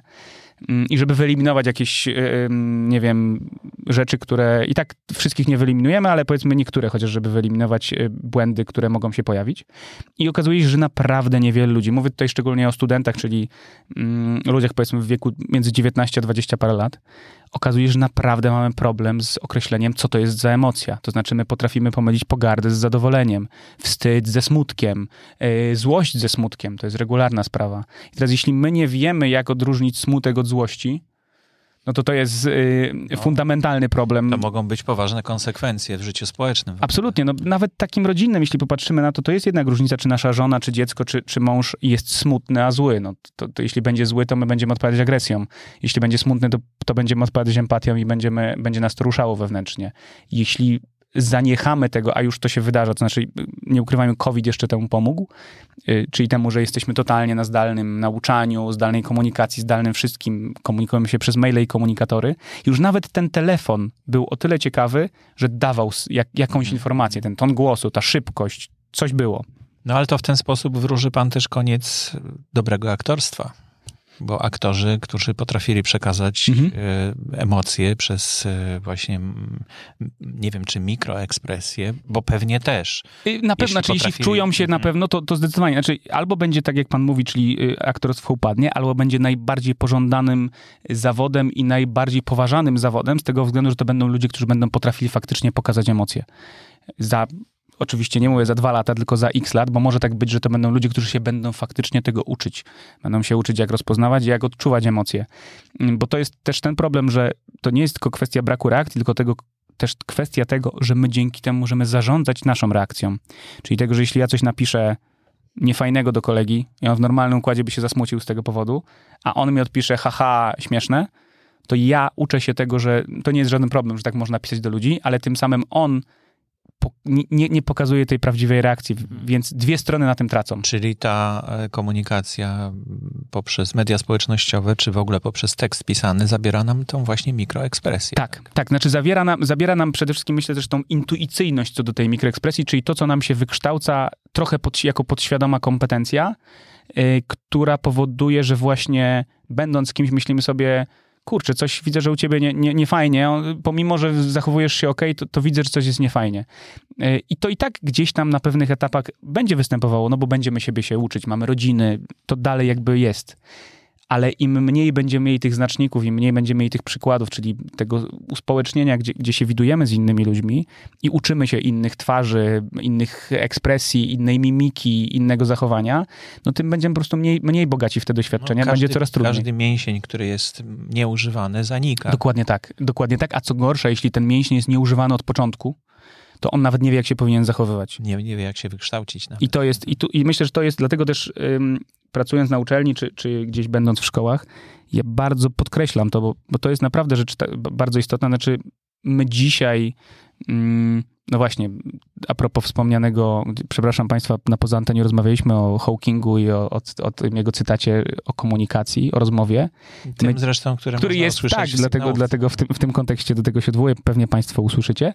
Natomiast chodzi mi o to, że no właśnie ta rozmowa, ta komunikacja nasza to zawsze był fundament, tak? I myśmy się w ten sposób dogadywali, myśmy w ten sposób zmieniali świat i tak dalej, i tak dalej. Mm, I w momencie, kiedy my będziemy mniej empatyczni dla siebie, będziemy coraz gorzej siebie rozumieli, no to, no to, to, też, to też ucierpi na tym. Więc ja generalnie zachęcam wszystkich do nauki tego, to znaczy nie tylko, my dzisiaj jesteśmy w kulturze nadawania, wszyscy jesteśmy yy, nadawcami. nadawcami. jakiegoś rodzaju. Yy, szczególnie social media nam to udostępniają, czy to będzie Twitter, Facebook, Instagram w różnych formach, ale nadajemy. Natomiast coraz mniej jest tego odbierania, to znaczy coraz są dyskusje w komentarzach, są różne rzeczy, ale one przyjmijmy rzadko kiedy przypominają odbiór i nadawanie i przemyślenie mocne tego, co ktoś miał na myśli emocjonalnym i merytorycznym, a bardziej to jest kwestia po prostu wykrzyczenia swoich poglądów. Myślę, że zarówno zaczynając od dzieci w szkole i tego, jak potem będą funkcjonować w życiu dorosłym, po biznes, y, albo może szczególnie biznes. My dzisiaj bardzo potrzebujemy nauki nad, odbierania, nie tylko nadawania, lepszego rozumienia się. Czyli słuchania. Słuchania, tak. Tak, tylko słuchania całym sobą i widzenia tych y, wszystkich symptomów, a nie tylko tego, co ktoś faktycznie y, mówi słowami. Słowa są dość zawodne, to znaczy mm, fajnie, że je mamy i to jest doskonałe i operowanie, uważam, dobrze językiem jest bardzo fundamentalną i kluczową kwestią w naszym życiu. Natomiast to, jak my się komunikujemy w sensie słowem, to jest naprawdę ułamek. To znaczy, to samo bez tego wyjęte z kontekstu tego, jakim jesteśmy człowiekiem, jak wyglądamy, jak się zachowujemy, no jest zdecydowanie bardziej ubogie mm, w komunikację, w komunikat w ogóle i w tą esencję, niż jakbyśmy po prostu mieli całego człowieka, by żywo do nas gadał. No ale to trochę taka sinusoida, prawda? Bo mm, no, mamy taką komunikację właśnie tylko tekstową, Mhm. no i w pewnym momencie ludziom zaczyna czegoś brakować. Nawet niekoniecznie świadomie, prawda? No tak. Dlatego, dlatego urodził się podcasting, tak? który, który słowem e, żywym, takim I to, mówionym. tak, i, ale to właśnie jest to, że mamy to żywe słowo I staje to, się bardzo popularny, prawda? Mhm. Właśnie dlatego, że a, tego nam brakowało, prawda? Tego, tej emocji, tej, tej e, intencji, Intencji w w głosie. głosie brakowało i, i dzięki temu możemy to teraz tutaj usłyszeć, bo wideo ciągle jest takie, nie wiem, tak gdzieś, ono, ono nie przekazuje, to znaczy, bo nawet jeśli mamy te mikroekspresje, Mhm. prawda, i jesteśmy je w stanie zauważyć, to w tym przekazie przez internet, to te kilka dziesiątych sekundy, to nie, to one Nie, nie, po prostu no, znikną, Znaczy, prawda? pamiętajmy też, że, że wideo robi jedną rzecz. Ono przede wszystkim wymaga zaangażowania wzroku, czyli już nie możemy robić innych rzeczy najczęściej, tylko oglądać. To po pierwsze, ale druga sprawa jest taka, że no, wideo też zakłada od uczestniczących w nim ludzi, że będą się kontrolować nie tylko głosem, ale też całą właśnie swoją cielesnością. W związku z tym zachowują się w jakiś określony sposób. Podcast daje nam jakąś maskę. Jakąś maskę, absolutnie, no bo to nie ukrywajmy, każdy z nas, jeśli występuje w telewizji, czy kiedykolwiek występował, a szczególnie na żywo, no to jest trochę zupełnie inna zabawa i inna bajka niż siedzenie sobie i rozmawianie z kimś, nawet w takim podcaście, gdzie po prostu ja sobie, państwo tego nie widzą, ja sobie tutaj macham rękami y, regularnie y, i tego nie widać po prostu, ale jednocześnie mi to poprawia sposób mojej komunikacji. Mi się wydaje, że to słychać w pewnym sensie. Znaczy, na pewno mogę, mogę łapać trochę zadyszek i różnych rzeczy, natomiast tak, te, te, gestykulacje pomagają mi formułować myśli, tak, a jak, dzięki tak jak uśmiech słychać, prawda? tak, tak, tak. I, ale to pomaga, w fajny sposób podbija ten przekaz, to znaczy on właśnie jest słyszalny i to idzie, nawet jeśli to jest podświadome, to znaczy my nie rejestrujemy tego wprost, to jednak to jest bardzo fajna sprawa. Dlatego też myślę, że podcasty to, to zrobiły, że po pierwsze można kogoś słuchać i odbierać te emocje jednocześnie jadąc samochodem, bo ja najczęściej podcastów słucham. Ja dość, dość dużo podróżuję po, po Polsce i nie tylko. I dla mnie podcasty to jest wybawienie. To znaczy, jak mam pięciogodzinną podróż, e, to jakby dwa dobre podcasty i załatwiona podróż. Mm, No mam takich słuchaczy, którzy na przykład jest jeden taki słuchacz, który jeździ po całej Europie. No i mówi, że już kilka razy przesłuchał wszystkie moje Okej. podcasty. Czyli za, za wolno wychodzą w takim No razie. tak, ciągle więcej. za mało jest y, dobrych podcastów. Znaczy, ja się bardzo cieszę generalnie, że u nas te podcasty poszły i że y, idziemy w taką formę, bo właśnie ona jest zdecydowanie bogatsza niż blogi, a zupełnie inna, bo to nie jest ani lepsze, ani gorsze, bym powiedział, zupełnie inną jest formą niż jakiegokolwiek rodzaju wideo i, i jakiegokolwiek rodzaju vlogi i jeszcze inną niż telewizja, bo to, to, bo to już jest znowu jeszcze inne medium, medium informacyjne. I każdy z nich daje nam informację też tą niewerbalną, albo, albo właśnie, no tak, no nazwijmy nawet, że jeśli podcast, to, to tu są te niewerbalne rzeczy też, No ciekawe, prawda? prawda, ale i, Posługujemy się słowem, a mamy też przekaz niewerbalny. Y, absolutnie, nawet- Intonację głosu i tak dalej. tak, ja nawet często w, w swoich szkoleniach czy wykładach mówię o y, niewerbalnych, lingwistycznych sygnałach, czyli tym właśnie o tempie mówienia, ale nawet o takich rzeczach, stylu. o stylu, o, o formułowaniu słów, bo to jest też y, dość istotna sprawa, jak my formułujemy myśli, bo jeśli przechodząc na chwilkę do, do wykrywania kłamstwa, kłamstwo jest mega skomplikowanym procesem dla naszej głowy. Z jednej strony absolutnie naturalnym, dzieci, dzieci się już uczą kłamać, a z drugiej strony ono wymaga zaangażowania tak różnych miejsc w naszym mózgu, bo z jednej strony musimy wymyślać coś, coś co będzie sensowne, realistyczne, Zapamiętać. zapamię- chronologiczne, żeby to było. Z drugiej strony ono musi być emocjonalne, musi być prawdziwe, musi być spójne, czyli musimy o tym opowiadać w taki sposób, jakbyśmy to faktycznie przeżyli, więc musimy wtłoczyć to w kontekst emocjonalny. I to jest naprawdę trudne do zrobienia. Yy, I teraz, jeśli my, mm, jakby w normalnym takim funkcjonowaniu, my jesteśmy w stanie analizować to, co mówimy, czy, czy słowa, które wypowiadamy, ale też do pewnego momentu. Yy, banalny przykład jest taki, że kłamcy, czy ludzie, którzy próbują coś ukryć, może to będzie lepsze słowo, mm, no częściej rozciągają bez sensu zdania. Dlaczego? Dlatego, że im bardziej rozciągają, to w procesie tego rozciągania y, uwiarygadniają siebie. Więc zaczynają opowiadać długie, ładne, ładne zdania, po to, żeby one mm, wyglądały bardziej wiarygodnie z perspektywy, były bardziej uszczegółowione. Ale to paradoksalnie jest dobrym. Mhm. A jaki jest taki szybki sposób na mm, odróżnienie kłamstwa od y, prawdy? Powiedział, że szybki to pewnie nie ma, ale tak, tak, tak mi nakazuje powiedzieć yy, moja wewnętrzna naukowa strona, nie ma. Natomiast gdybyśmy coś mieli, to znaczy tak... no bo ja słyszałem, że szybka odpowiedź świadczy o tym, że jest taka szczera, prawda? Natomiast y, po, po chwili zastanowienia się, no to już można mieć wątpliwości, czy to jest. Paradoks jest taki, że często ludzie, jeśli bardzo szybko odpowiadają, to najczęściej kłamią. Znaczy, mogą kłamać, o tak bym powiedział. Dlaczego? Dlatego, że mm, w momencie, kiedy wiemy, o co będziemy pytani i chcemy jak najszybciej to z siebie wyrzucić. Mówię o takim, o szybkiej odpowiedzi, czyli szybszej niż zwykle, tak? To mm, patrzymy tutaj głównie na te pierwsze 5 sekund, które się dzieje po zadaniu pytania. To jeśli to jest bardzo szybka, taka agresywne wyrzucanie z siebie odpowiedzi, to bardzo często to może być sygnał tego, że osoba chce się mm, Yy, wyluzować emocjonalnie, znaczy chce już z siebie to wyrzucić, mieć to, już, mieć to już za sobą. Bardzo podobny paradoks występuje z patrzeniem się w oczy. To znaczy ludzie uważają, że kłamcy nie patrzą w oczy. Więc kłam, jak ktoś kłamie, to tym bardziej stara się patrzeć w oczy. Yy, tak samo jak z mruganiem. No bo jest się w stanie tego nauczyć. Bo jest się w stanie tego nauczyć. Tak również od pana. Yy, no tak, tak. Znaczy ja nie ukrywam akurat, patrzenie w oczy jest takim yy, nawykiem, który wchodzi, jak się dużo wykładów prowadzi, bo wtedy automatycznie łapiemy gdzieś kontakt wzrokowy, ale tak naprawdę ludzie, którzy rozmawiają ze sobą i nie są szkoleni, nie są przygotowani, rzadko kiedy patrzą sobie w oczy. Najczęściej my się zwracamy w, w, do siebie, ale oczy nam strzelają na naprawdę przeróżne, mhm. w przeróżne miejsca. Ktoś, kto patrzy się centralnie w oczy, no, to jest to trudne, to znaczy na pewno musi być tego nauczony. Mm, więc to z takich symptomów, czy właśnie mruganie, bardzo często się okazuje, że ludzie mówią, a kłamca pewnie nie będzie mrugał. E, a właśnie potem się okazuje, że oni mrugają więcej, bo się skupiają na tym, żeby mrugać, więc to mruganie zaczyna być świadome i kompulsywnie powtarzane. Więc wyglądać zaczyna w pewnych momentach kuriozalnie. Więc nie ma łatwej odpowiedzi. Na nie ma łatwej odpowiedzi, natomiast gdybym miał powiedzieć to, na co zwracać uwagę, znaczy, może inaczej. Zacznijmy od tego, ja wiem, że to będzie teraz ym, trochę dziwnie brzmiało, ale zacznijmy od tego, czym jest kłamstwo, bo większość ludzi powie, kłamstwo to jest nieprawda. To znaczy najczęściej tak słyszę, że kłamstwo jest po prostu nieprawda. No i ja tutaj odbijam piłeczkę mówiąc, no dobra, no czy w takim razie jesteśmy w stanie kłamać i mówić prawdę jednocześnie? No i tu zaczyna się pewien zgrzyt, ale jak najbardziej jesteśmy. Bo kłamstwo, jeśli różni się tym od nieprawdy, że nieprawda to jest jakaś rzecz, co do której stworzyliśmy pewną mamy pewien konsensus społeczny, że tak jest, tak? To znaczy mamy badania, wiemy, że tak jest, udowodniliśmy coś, Ziemia jest okrągła. Znaczy, dalej wiem, że nie dla wszystkich, ale generalnie myślę, że mamy taki konsensus, że w większości możemy powiedzieć, że Ziemia jest okrągła. Tak, ktoś może powiedzieć, że bardziej elipsoidalna. Wiemy o co chodzi. To znaczy, na pewno e, wiemy, że nie jest płaska. No, ale dawno, dawno, dawno temu ludzie wierzyli w to i to była ogólną wiedzą, ogólnie dostępną wiedzą, że Ziemia jednak płaska jest. I teraz co by było, gdyby ktoś dla hecy, dla śmiechu, zaczął chodzić i opowiadać w tamtych czasach, że Ziemia jest okrągła, przy czym sam by w to nie wierzył.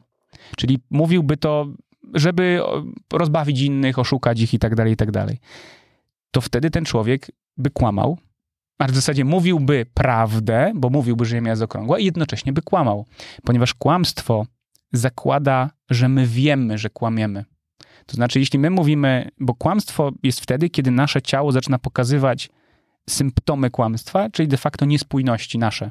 Czyli mo, mo, mo, momenty, w których nasze ciało próbuje pokazać nam, że on, ono wie, że, że to, co my gadamy, Czyli to jest... kłamstwo musi zawierać taki świadomy czynnik, tak? Tak, jeśli inaczej, jeśli mówimy coś, co po prostu jest nieprawdziwe, ale my o tym nie wiemy, to będziemy traktować, to nasz, nasz organizm będzie odpo odpowiadał, czy opowiadał o tym w taki sposób, jakby to było um, absolutną prawdą i wtedy nie będzie pokazywał tych wszystkich rzeczy, bo te wszystkie rzeczy właśnie wynikają z tej małej świadomości, że my wiemy, że ściemniamy.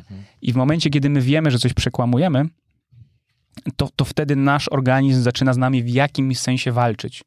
Yy, albo zaczyna pokazywać coś, co intuicyjnie rozumie zupełnie inaczej. Jeśli weźmiemy sobie na przykład taki banalny przykład yy, tej mowy ciała, którą większość z Państwa pewnie gdzieś tam zna, to w mowie ciała występują tak zwane cztery rodzaje gestów. Są gesty takie jak ilustratory, regulatory, emblematy i manipulatory. I to jest taki banał y, mówić o tym, ale tak, no jeśli ktoś pokazuje, że mm, gesty, na przykład regulatory, to są gesty, które pokazują, regulują na przykład długości, tak? Czyli jak pokazujemy, że jaką rybę złowiłem, to bardzo często rozciągamy tą, te ręce i pokazujemy, jaka ta ryba była. I może być tak, że mówimy, że złowiliśmy metrowego szczupaka, ale jednocześnie nasze ręce są rozłożone na 20 centymetrów. I bardziej bym w tym układzie ufał naszym e, dłoniom i te, tej odległości niż temu, co faktycznie mówimy.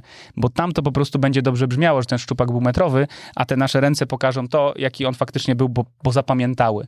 To, że ktoś opowiada tak zwanym gestem ilustrującym, gdzie był szlak, czy w którą stronę skręcił i mówi, że wtedy pojechał w lewo, ale jednocześnie ręką pokazuje, że jechał w prawo, to to jest ta sytuacja, w której nasza głowa idzie tym, co wie, a my mówimy to, co chcemy powiedzieć.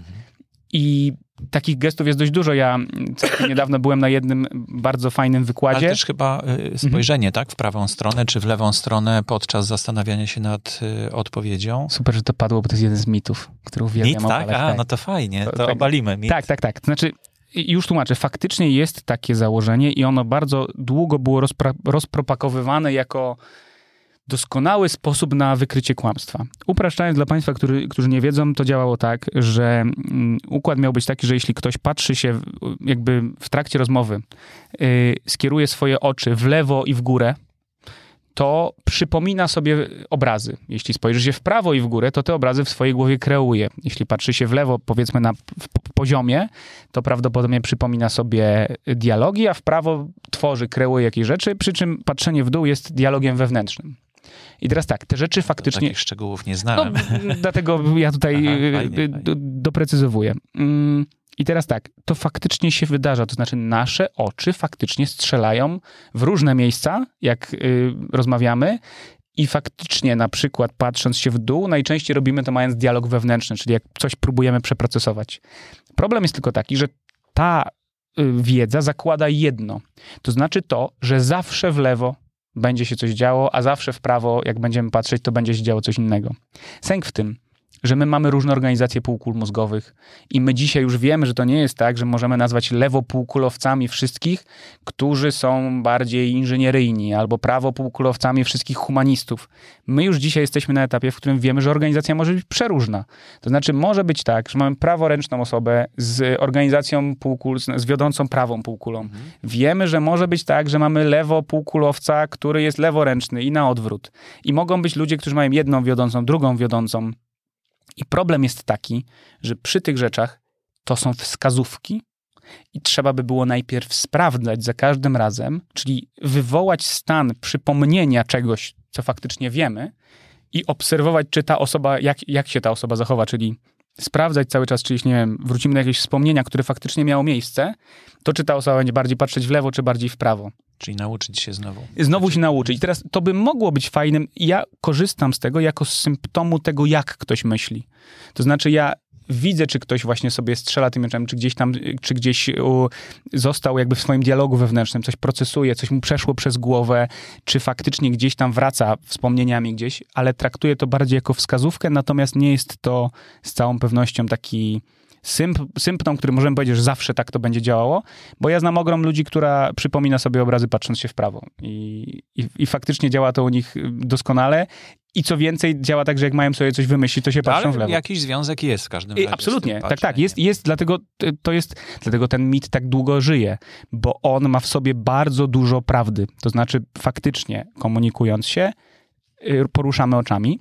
Dlatego też nie patrzymy się w oczy najczęściej, tylko te oczy błądzą y, w różne miejsca. Faktycznie jest tak, że to, w którym miejscu te oczy są umiejscowione, jest jakąś wskazówką, o czym myślimy, czyli faktycznie czy te obrazy, czy, czy te dialogi wewnętrzne, to, to wszystko tak. Natomiast nie powiedziałbym absolutnie, że można y, tym stuprocentowo, czy, czy, czy w ogóle jakkolwiek określić, czy ktoś kłamie, czy nie. Potrzebowalibyśmy dużo więcej informacji, a tym samym są łatwiejsze pewnie sposoby, żeby to zrobić w ten sposób. Mhm. Napisałem sobie takie równanie. E, Mikroekspresja równa się makroekspresja, czyli to jest prawda wtedy, tak? Czyli człowiek wtedy jest prawdziwy. Jeśli mikroekspresja równa się makroekspresja, yy, na pewno to, co przeżywa i to, co chce pokazać, jest tym samym. O tak bym powiedział. No właśnie, a są tacy ludzie, którzy tak cały czas żyją w takiej prawdzie? Może inaczej, nie wiem, nie spotkałem, tak bym powiedział. Rozumiem. Znaczy, by, uważam, że. Yy, Czyli to każdy bym- coś tam jednak no myślę, że tak. Znaczy, myślę, że to musiała być jakaś pustelnia totalna i to musiała być osoba, która nie musi ym, żyć w, ża- w żadnym społeczeństwie, bo nie ukrywajmy, gdybyśmy my permanentnie pokazywali to, co czujemy, tak totalnie, no to, to ja nie wiem, czy świat byłby fajnym miejscem do końca, bo my mamy wiele różnych emocji w sobie i to, że my je czasem ukryjemy, w kontekście społecznym jest czasem lepsze, bo dam ba- banalny przykład. Jeśli przychodzimy do sklepu i mieliśmy bardzo zły dzień, jesteśmy na maksa wkurzeni, ale myślimy sobie, że no dobrze, spotykamy się z panią, która, której będziemy kasować te nasze zakupy i uśmiechniemy się do tej pani, bo czemu ona jest winna, tak? Uśmiechniemy się, powiemy jakieś dobre słowo, być może ona tym dobrym słowem się nam odwdzięczy, też się nas uśmiechnie. I to przez to, że my jesteśmy też sprzężeni zwrotnie ze sobą, czyli innymi słowy, jeśli ja od, siłowo będę wyzwalał jakąś emocję u siebie, to ona w pewnym momencie faktycznie się będzie po- pokazywać. To znaczy, jak to Amerykanie mówią, fake it till you make it, czyli udawaj, aż ci się to uda zrobić. E, I to trochę tak działa, y, to znaczy, gdybym ja przyszedł do tej pani i faktycznie zaczął na nią wrzeszczeć albo pokazywał to wkurzenie, to jest duża szansa, że ona widząc to moje wkurzenie też odpowiedziałaby wkurzeniem i to by napędzało tą spiralę niefajności, która, która by się między nami wydarzała. Czy to, że po prostu byśmy szli często za emocjami, idąc tym tropem, że chcemy być szczerzy, to szlibyśmy dalej za emocjami i wyrażalibyśmy szczególnie te negatywne emocje. Mm, Pamiętajmy też, że nasza emocjonalność często nie jest związana wprost z kontekstem sytuacji, w którym się znajdujemy. To znaczy, my rozmawiając sobie, yy, mamy fajną rozmowę, ale ja załóżmy, że ta rozmowa przypomniałaby mi o czymś, o czymś smutnym w moim życiu. I ja bym wtedy pokazał smutek. No i to by mogło być odebrane y, z perspektywy ro- mojego rozmówcy, że no tak, okej, pokazujesz smutek, czyli ci się nie podoba. I w tym momencie ten mój rozmówca zacząłby na to reagować, bo przecież jeśli myśli sobie, no okej, no, okej, no nie podoba mu się ta rozmowa, coś trzeba zacząć robić z tą rozmową, jakoś poprowadzić ją w innym kierunku. I to mogłoby powodować, że te rozmowy by wyglądały skrajnie inaczej, pomimo, że ja bym sobie przypomniał coś, co jest w tym kontekście naszej sytuacji w ogóle nieważne, to jest jakimś moim intymnym przeżyciem, które w ogóle nie jest związane z tą relacją naszą. I gdyby tak było, że musielibyśmy chwytać, albo żebyśmy chcieli pójść za tym chwilowym byciem smutnym, byciem radosnym, to to mogłoby nas pchać w niekoniecznie dobre stany zawsze. Bo pamiętajmy, że to też nie jest tak, że te myśli czy te emocje, które przebiegają w naszych głowach, bo one generalnie płyną. To znaczy, czas, czasem można tak stwierdzić, że właśnie emocje czy, czy myśli są pewnego rodzaju strumieniem. Nie bez kozery ludzie uczą się latami medytować, czyli nauczyć się zatrzymywać te, te strumienie myśli, bo to po prostu jest zwyczajnie trudne. I tak samo jest z emocjami. One też są ciągłym biegiem i ciągłym jakimś takim strumieniem, które sobie w nas płyną. I czasem są zupełnie nieskorelowane z sytuacją, w której się znajdujemy, bo nam się coś może przypomnieć, bo możemy się zawiesić w sobie i wspomnieć coś zupełnie innego, jakieś fajne, niefajne wydarzenia. I nie do końca wyobrażam sobie, że byłoby to też fajne społecznie, gdyby ktoś nagle zaczął śmiać się na pogrzebach, tylko dlatego, że przypomniał sobie być może fajną i zupełnie niegroźną anegdotę z osobą, która, którą widział, czy na której pogrzebie jest i, i to byłby taki szczery śmiech, y, po prostu pokazujący, że, że tęsknimy za tym, ale byłoby to społecznie, byłoby to raczej odebrane nagannie, to znaczy ludzie nie, nie, znaczy tak sobie wyobrażam, że gdyby reszta ludzi widziała, jak my się śmiejemy y, szczerze i radośnie, to mogłaby nie być zachwycona tą sytuacją, dlatego to ukrywamy i śmiejemy się w duchu, przypomniając sobie na przykład, no tak, taką mieliśmy historię z, z tą osobą. Nawet ten uśmiech może wyjść na twarz, ale Ale zostaje tylko na tej twarzy, a co innego, jakbyśmy zaczęli się śmiać do rozpuku, idąc za tą emocją. Dlatego ja myślę, że z jednej strony moglibyśmy postawić, że jeśli mikroekspresje i makroekspresje byłyby tym samym, to bylibyśmy totalnie szczerzy. Tylko pytanie by było po co i czy to by nam poprawiało jakkolwiek życie, nie mówiąc w jakimś tutaj kontekście ogólnym e, czy, czy światowym i patrzenia na, na to w, w kontekście pokoju na świecie, ale w takim codziennym życiu, czy to by było, bo obawiam się, że mogłoby nam dużo bardziej skomplikować życie. Tak jak powiedziałem, wszyscy kłamiemy. Mhm. No dobrze, ale w takim razie, czy jeśli mm, będziemy przełamywać się, tak? Mhm. I tak jak pan mówił, uśmiechać się do tej ekspedientki, mimo że mamy zły nastrój, no to przecież często występuje takie zjawisko, że właśnie dostajemy z powrotem też Mhm. uśmiech I to nam rzeczywiście poprawia humor, prawda? I zmienia tą sytuację. Już nie jesteśmy smutni wtedy. Więc do tego rodzaju kłamstwa, się, tak, mhm. zachęcam.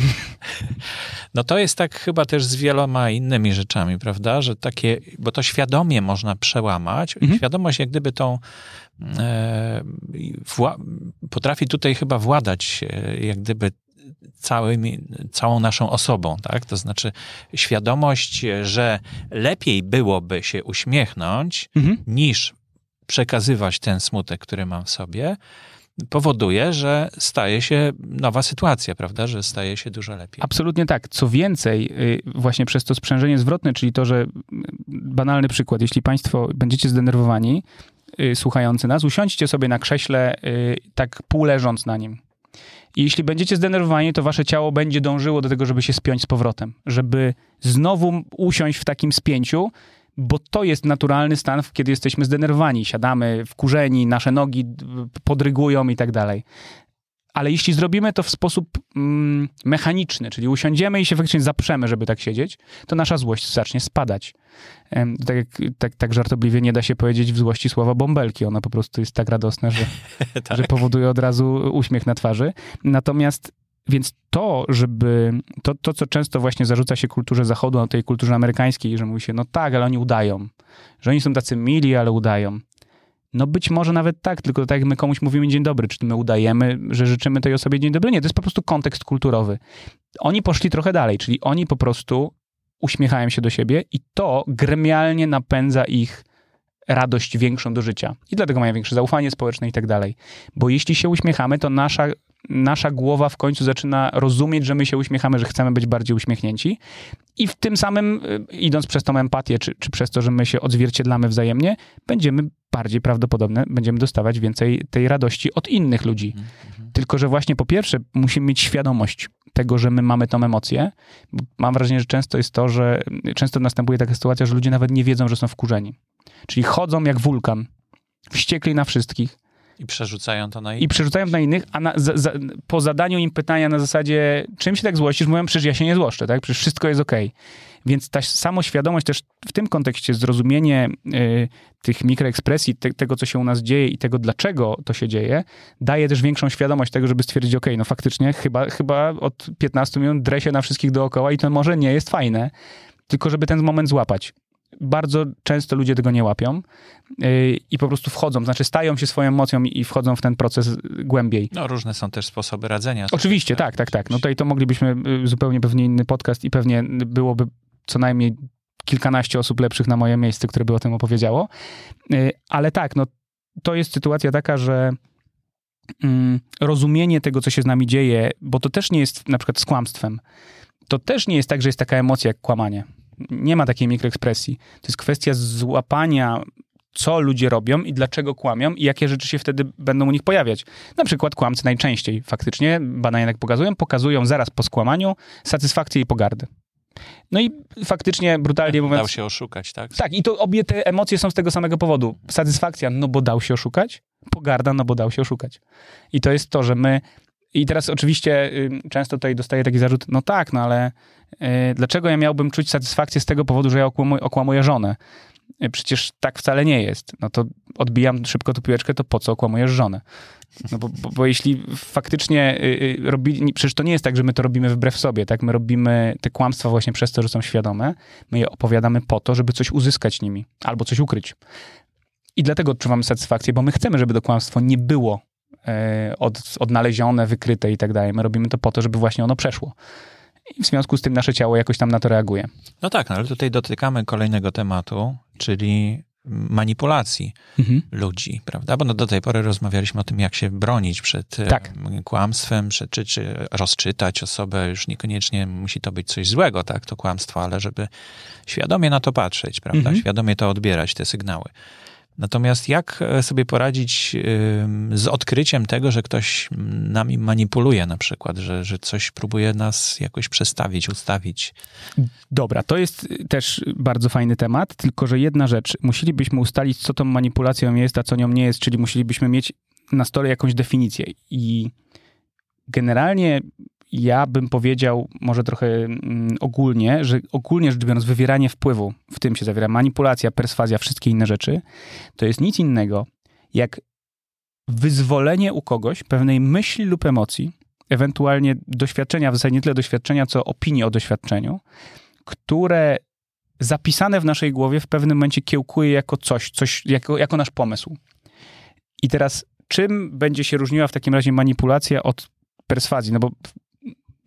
tak naprawdę... Czy inspiracji. Czy inspiracji, no bo właśnie, bo my wywieramy na siebie wpływ permanentnie. No ale przecież właśnie pracodawcy często zmierzają do tego, żeby no tak wpłynąć na pracownika, żeby to był jego pomysł, a nie żeby to był mój pomysł, prawda, który mu narzucam. Wiadomo, on bo nie będzie chciał tego wykonywać. Moja bo... racja jest mojsza niż twojsza, No, więc dokładnie. jeśli to jest mój pomysł, to wiadomo, że go chętnie realizuję. Tak, tylko teraz jest jedna rzecz, dlatego tutaj te- ten fundament uważam tej różnicy między manipulacją a wywieraniem wpływu, czy, czy wychowaniem dzieci na przykład. No bo to czy, czymże to jest innym jak niekształtowaniem czyjegoś życia totalnie, czy nawet tego, że sobie siedzimy tutaj we dwóch i też wywieramy na siebie jakiś wpływ, bo gdyby nas tu nie było, bylibyśmy w innej sytuacji, zachowywalibyśmy się prawdopodobnie zupełnie inaczej, a też to, co się dzieje w naszych głowach, no jest jednak inspirowane tym, jaki wpływ na siebie wywieramy. Problem zaczyna, czyli do momentu, kiedy to jest y, ta inspiracja, to podtykanie pomysłów w naszej głowie, po pierwsze, ono powinno być niezauważalne, czyli warto, jak ktoś pyta się mnie, jak się nauczyć bronić przed manipulacją, to mówię, naucz się, jak działa manipulacja. Bo jeśli będziesz, bo ludzie mają takie, mm, takie wyobrażenie o wywieraniu wpływu, manipulowaniu, jakby to była jakaś taka tajemnicza sztuka walki, którą trzeba zdobyć, będąc 7 lat w Tybecie i jeszcze potem parę lat, w, nie wiem, w Amazonii i tam dzięki temu zdo, zdobędziemy to jakoś. Natomiast to jest element naszej komunikacji. I to jest uważam najciekawszy mit w tym wszystkim, że ja często jak rozmawiam z ludźmi, to oni mówią, no tak, ale ty potrafisz manipulować, ty potrafisz wywierać wpływ. Przy czym ja przez to, że mówię świadomie i komunikuję się świadomie, to robię wszystko, żeby tam tego nie było, a jednocześnie osoba, która to do mnie mówi, dwa zdania wcześniej wsadziła tam ze cztery techniki manipulacyjne, ale ona o tym nie ma pojęcia. I, i to, tutaj zaczynamy mieć ten, ten problem, że ludzie uważają, że, że jeśli się nie uczą manipulacji, to jej nie używają. Tylko to jest trochę tak, że manipulacja, wywieranie wpływu, perswazja to jest trochę nóż. Możemy nim zrobić bardzo dużo różnych rzeczy. Możemy zrobić super danie, zrobić kanapkę, coś jeszcze innego, ale możemy też latać i grozić innym ludziom. To, że my nie umiemy, czy nie znamy, czy nie wiemy, czym jest manipulacja, jest trochę tak, jakbyśmy ten nóż mieli na stałe przyklejony do ręki i machali nim, nie wiedząc, co robimy. Więc dobrze by było Bardziej niebezpieczne. bardziej niebezpieczne, tak? I bardziej y, może być to krzywdzące i dla nas, i dla innych. Więc teraz jest jedna rzecz. Jeśli popatrzymy na to, że generalnie wywieramy na siebie wpływ, czyli instalujemy sobie różne rzeczy, inspirujemy się, y, wchłaniamy od siebie przekonania y, czy różne mm, pomysły, to, to jakby to jest wywieranie wpływu. Manipulacja zaczyna się wtedy, kiedy te rzeczy nie są do końca zgodne z naszym światopoglądem czy kręgosłupem moralnym. Czyli jeśli ja rzucam komuś pomysł w pracy, bo działamy razem, yy, współpracujemy, inspirujemy się wzajemnie i, i napędzamy się do działania i mamy wspólny, fajny cel i ja dzięki temu rzucam jakiś pomysł i ta osoba nawet przyjmie go i zapomni o tym, że ten pomysł był jej. Znaczy, znaczy mój, tylko weźmie go jako sw- swój pomysł, ale on jest zgodny z tym, co ktoś chce powiedzieć. Jest zgodny z tym, e, co ktoś chce robić, jakim jest człowiekiem. No tutaj nie ma problemu. Ten pomysł ma dużo, większe, dużo większą szansę na wykiełkowanie, niż jeśli ja chcę komuś coś em, zainstalować w głowie, co jest nie, nie jej, nie, nie tej osoby. I manipulacja zaczyna się wtedy, kiedy ja muszę tak bawić się światopoglądem drugiego człowieka, tak bardzo przesuwać jego różnego rodzaju granice i bawić się słowem, żeby ta osoba w pewnym momencie zmieniła swoje poglądy, nawet w maleńkim stopniu, ale zmieniła swoje poglądy tak, żeby to ziarenko, które tam wpada do głowy, miało na czym rosnąć. Czyli żeby to nie był beton, tylko żeby tam się w tym betonie pojawiła jednak szczelina i, i z tej szczeliny, żeby coś wyrosło. I w tym momencie, gdzie my musimy się uciekać, czy gdy ktoś się ucieka do tego, żeby zmienić fundamentalne patrzenie na świat tej drugiej osoby. Też, żeby, tutaj taki, jedna ważna rzecz, zmiana światopoglądu nie jest niczym złym, tylko wtedy, kiedy jest procesem, w którym my bierzemy udział świadomie, w którym wiemy, że zmieniamy ten światopogląd, jesteśmy okej z tym, że mamy nowy pogląd. Zabawa em, w manipulacji w manipulację polega na tym, czy może, nie, nie wiem, czy to jest dobre słowo zabawa, ale manipulacja polega na tym, że my chcemy zmienić czyjś światopogląd tak, żeby ta osoba nawet nie wiedziała o tym. I to czasem Tak trwa jak nam pasuje. tak, jak nam pasuje. I w związku z tym, to co potem chcemy tej osobie zainstalować, już będzie zgodne z jej światopoglądem czy jej moralnością. I to jest bardzo często w pracy, że my przesuwamy granice I to często jest, jest coś takiego w wywieraniu wpływu. Yy, profesor Robert Cialdini mówił o takich rzeczach jak sześć reguł wywierania wpływu. I tam jedną z reguł yy, bardzo fundamentalnych jest reguła zaangażowania i konsekwencji, która mówi między innymi o tym, że jeśli już coś zrobimy, jeśli już coś wejdziemy, to dużo trudniej nam się z tego jest wycofać. Jeśli już skłamiemy, to dużo trudniej jest powiedzieć, a żartowałem, jednak nie. Tylko najczęściej brniemy dalej. I to powoduje, że jeśli my człowieka popchniemy do jakichś sytuacji, to ten człowiek pod wpływem naszym naciskania, kontekstu pracy i tak dalej, i tak dalej, może się, ta jego, ta jego granica mogą się przesuwać. I w pewnym momencie, jeśli my te granice przesuniemy wystarczająco daleko, to wtedy on tą manipulację, która na początku byłaby dla niego absolutnie kuriozalnym pomysłem, on będzie w stanie zrealizować już potem i uważać, że to jest zgodne z jego światopoglądem. To można robić na skalę jednostkową, czyli możemy wywierać czy manipulować sobą, ale to też można robić na skalę globalną, czyli zarządzać strachem, emocjami. Tu znowu byśmy po, powinniśmy wrócić do emocji i do tego, że właśnie jako ta etykieta potrafi być globalnym, takim globalnym wskaźnikiem, taką globalną, dro, globalnym drogowskazem mm, i potrafi faktycznie zmieniać stany emocjonalne czy, czy światopoglądy wielu ludzi. I teraz, jeśli chcemy się tego przed tym uchronić, chcemy wiedzieć, co zrobić, żeby nie, mhm. to, to należałoby poznać zasady, jak działa nasz umysł i jak działa ta manipulacja. Bo jeśli my, to tak jak przykład, y, ludzie mówią, że reklamy na nich nie działają. Często słyszę, nie, no na mnie reklamy nie działają. Nie przeszkadza. Nie przeszkadza, tak. Tylko, że to wszystko wynika z tego, że my zakładamy, że ta reklama działa w taki sposób, że ja widzę, nie wiem, reklamę, powiedzmy, tych płatków śniadaniowych i ludzie, mam wrażenie, zakładają, że oni powinni rzucić w związku z tym wszystko i pobiec kupować te płatki śniadaniowe. A to absolutnie nie ma tak działać. To ma działać w taki sposób, żebyśmy my tą reklamę zobaczyli, uznali, że ona na nas nie działa, że w ogóle nas nie obchodzi i zapomnieli o tym, że ją widzieliśmy. I jednocześnie potem, będąc w jakimś sklepie, szli sobie z tym wózkiem i nagle wpadlibyśmy na pomysł, kurczę, chyba mam ochotę na płatki śniadaniowe. I my się już wtedy nie zastanawiamy nad tym, bo my już zapomnieliśmy, że my tą reklamę widzieliśmy. Więc my tylko idziemy i myślimy sobie, no przecież to jest mój pomysł. Ja wpadłem dzisiaj na pomysł, że te, że te płatki, na te płatki mam ochotę, więc ja sobie je kupię. I to nie jest żadna manipulacja, ja po prostu na to wpadłem. W dodatku podobno śniadanie w ogóle to jest e, wymysł e, płatków śniadaniowych. No w ogóle e, Kellogg's. przyjmijmy płatki śniadaniowe z cukrem, które jemy od rana, zalewane właśnie ilością cukru i tak dalej. No nie wiem, czy to byłby dobry, dobry pomysł, ale na przykład to jest taka ciekawa manipulacja, która właśnie zaszła, to znaczy zaszła na rynku amerykańskim, w którym to u nich mówi się tak, mało tłuszczu, cukier jest ok. I powtarzane to przez lata spowodowało, że nikt nie ma problemu z tym, że wszystko ma cukier, ale wszystkie rzeczy są low fat. U nich wszystko ma mało tłuszczu, bo to jest przecież y, największa zaraza, jaką oni tam mają, więc oni, tworząc taki światopogląd, forsowali y, cukier. U nas wyglądało trochę inaczej, tak? Znaczy u nas tłuszczyk czasem był ok, bo golonka jest tacy, ale jednocześnie trochę mniej może cukru. I to nie jest kwestia, obie, oba z tych poglądów mogą być fałszywe, to nie o to chodzi. Chodzi o to, co my jakby globalnie promujemy. Więc właśnie takie płatki no, są, też, są też przykładem takiego przekłamania rzeczywistości, które my sobie łykamy i potem się już nikt nie zastanawia, skąd ono się wzięło. Cały I, świat reklamy jest taki. Oczywiście. I tam funkcjonuje ogrom y, to, jak one są podane, czyli jak są skonstruowane lingwistycznie, to jak wyglądają. To wszystko jest zaplanowane, wiadome i to w jakiś określony sposób na nas działa. I podobnie też działa takie wywieranie wpływu polityczne, to znaczy społeczne, gdzie my mm, też jesteśmy jakoś tam kierunkowani, jakoś dzieleni, jakoś łączeni i tak dalej. I to też bazuje na znajomości naszych, y, naszego umysłu. Jeśli ktoś wie, jak tym zarządzać, no to ma dużo większą szansę na to, że, że mu się to uda. Jeśli jednocześnie wszyscy się nauczymy odczytywać ludzi, wywierać wpływ i wiedzieć, czym jest manipulacja, to automatycznie to przestaje być tak groźne, bo to jest sytuacja taka, że gdyby ktoś nagle wpadł ym, i zaczął tutaj i zacząłby nami manipulować, opowiadać jakieś rzeczy, ja wiedząc też to, to, że ta osoba manipuluje, po prostu powiedziałbym do sobie, słuchaj, słyszę to, to, to i to robisz, wiem, że te techniki działają tak, tak i tak, odpuść sobie, bo my to rozumiemy. I w tym momencie od, odbieramy animusz takiej osobie całej i jakby wybijamy ją z tego rytmu. Natomiast jeśli ludzie widzą, że są nauczeni, co swoją drogą też jest ciekawą manipulacją, że wywieranie wpływu, że to rozumienie umysłu jest złe, lepiej się tego nie uczyć, nie warto.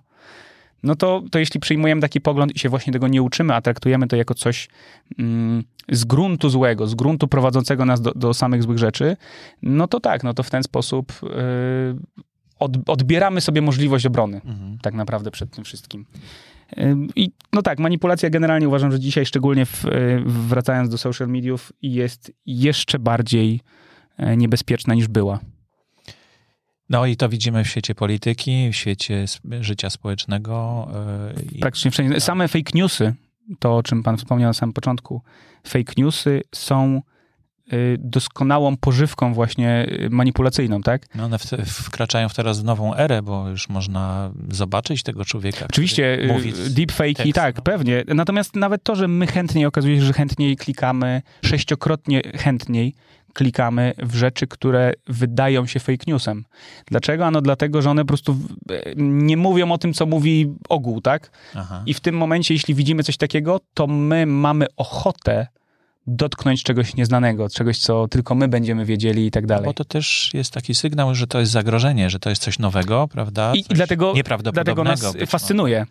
I idąc właśnie z tym zaangażowaniem i konsekwencją, to znaczy to, że jeśli my już w to wejdziemy, to też trzeba uważać na, na tego rodzaju błędy poznawcze, że jeśli my wchodzimy w takie coś, zaangażujemy się w to, to w pewnym momencie zaczyna się tworzyć tak zwana królicza nora w naszych głowach, czyli mm, idąc za Alicją z- z Krainy Czarów, mm, ta królicza nora polega na tym, że jeśli klikamy w jedną rzecz, a social media dzisiaj doskonale to wykorzystują, pokazując nam więcej takich rzeczy, w pewnym momencie nasze social media, nasze wole, feedy, czy jakbyśmy tego nie nazwali, są zawalone określonymi poglądami. Jeśli my codziennie przeglądamy określony sort informacyjny, to w pewnym momencie zapominamy o tym, że istnieją inne informacje i zaczynamy uważać, że generalizujemy światopogląd, czyli stwierdzamy, tak wygląda świat i ciężko jest nam już patrzeć na ludzi, którzy mają inaczej w ten sam sposób i jakby racjonalnie z nimi dyskutować.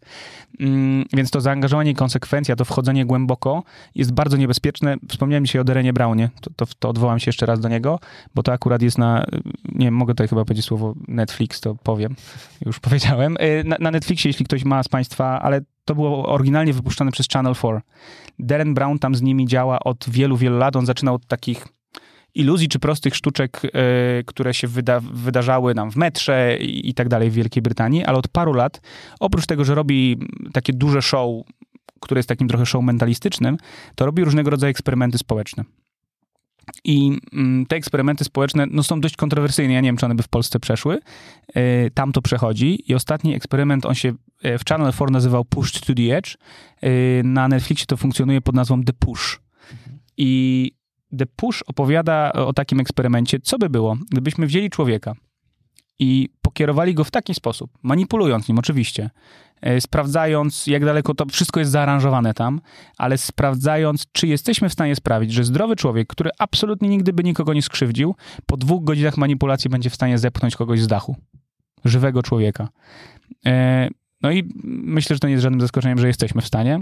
I Deren robił kilka już takich eksperymentów. Po The Push zrobił drugi, w którym sprawdził drugą stronę y, medalu, czyli zastanawiał się, czy możemy wziąć człowieka, który jest absolutnie przeciwnikiem wszelkiego rodzaju imigrantów w Stanach i ludzi, którzy, mm, jak to on mówili, ten, ten człowiek sam w tym programie mówił, najeżdżają mu kraj, czy będzie w stanie złapać kulkę, czyli czy będzie w stanie poświęcić swoje własne życie za imigranta pod wpływem odpowiedniego poprowadzenia. To znaczy, oczywiście on będzie miał świadomość, że, że rzuca się i, i poświęca swoje życie. Wszystko oczywiście jest zaaranżowane i bezpieczne, natomiast w jego doświadczeniu jest sama prawda, więc on faktycznie rzuca się pod, przed człowieka i sprawdzamy, czy, czy będzie w stanie y, przyjąć za niego kulę.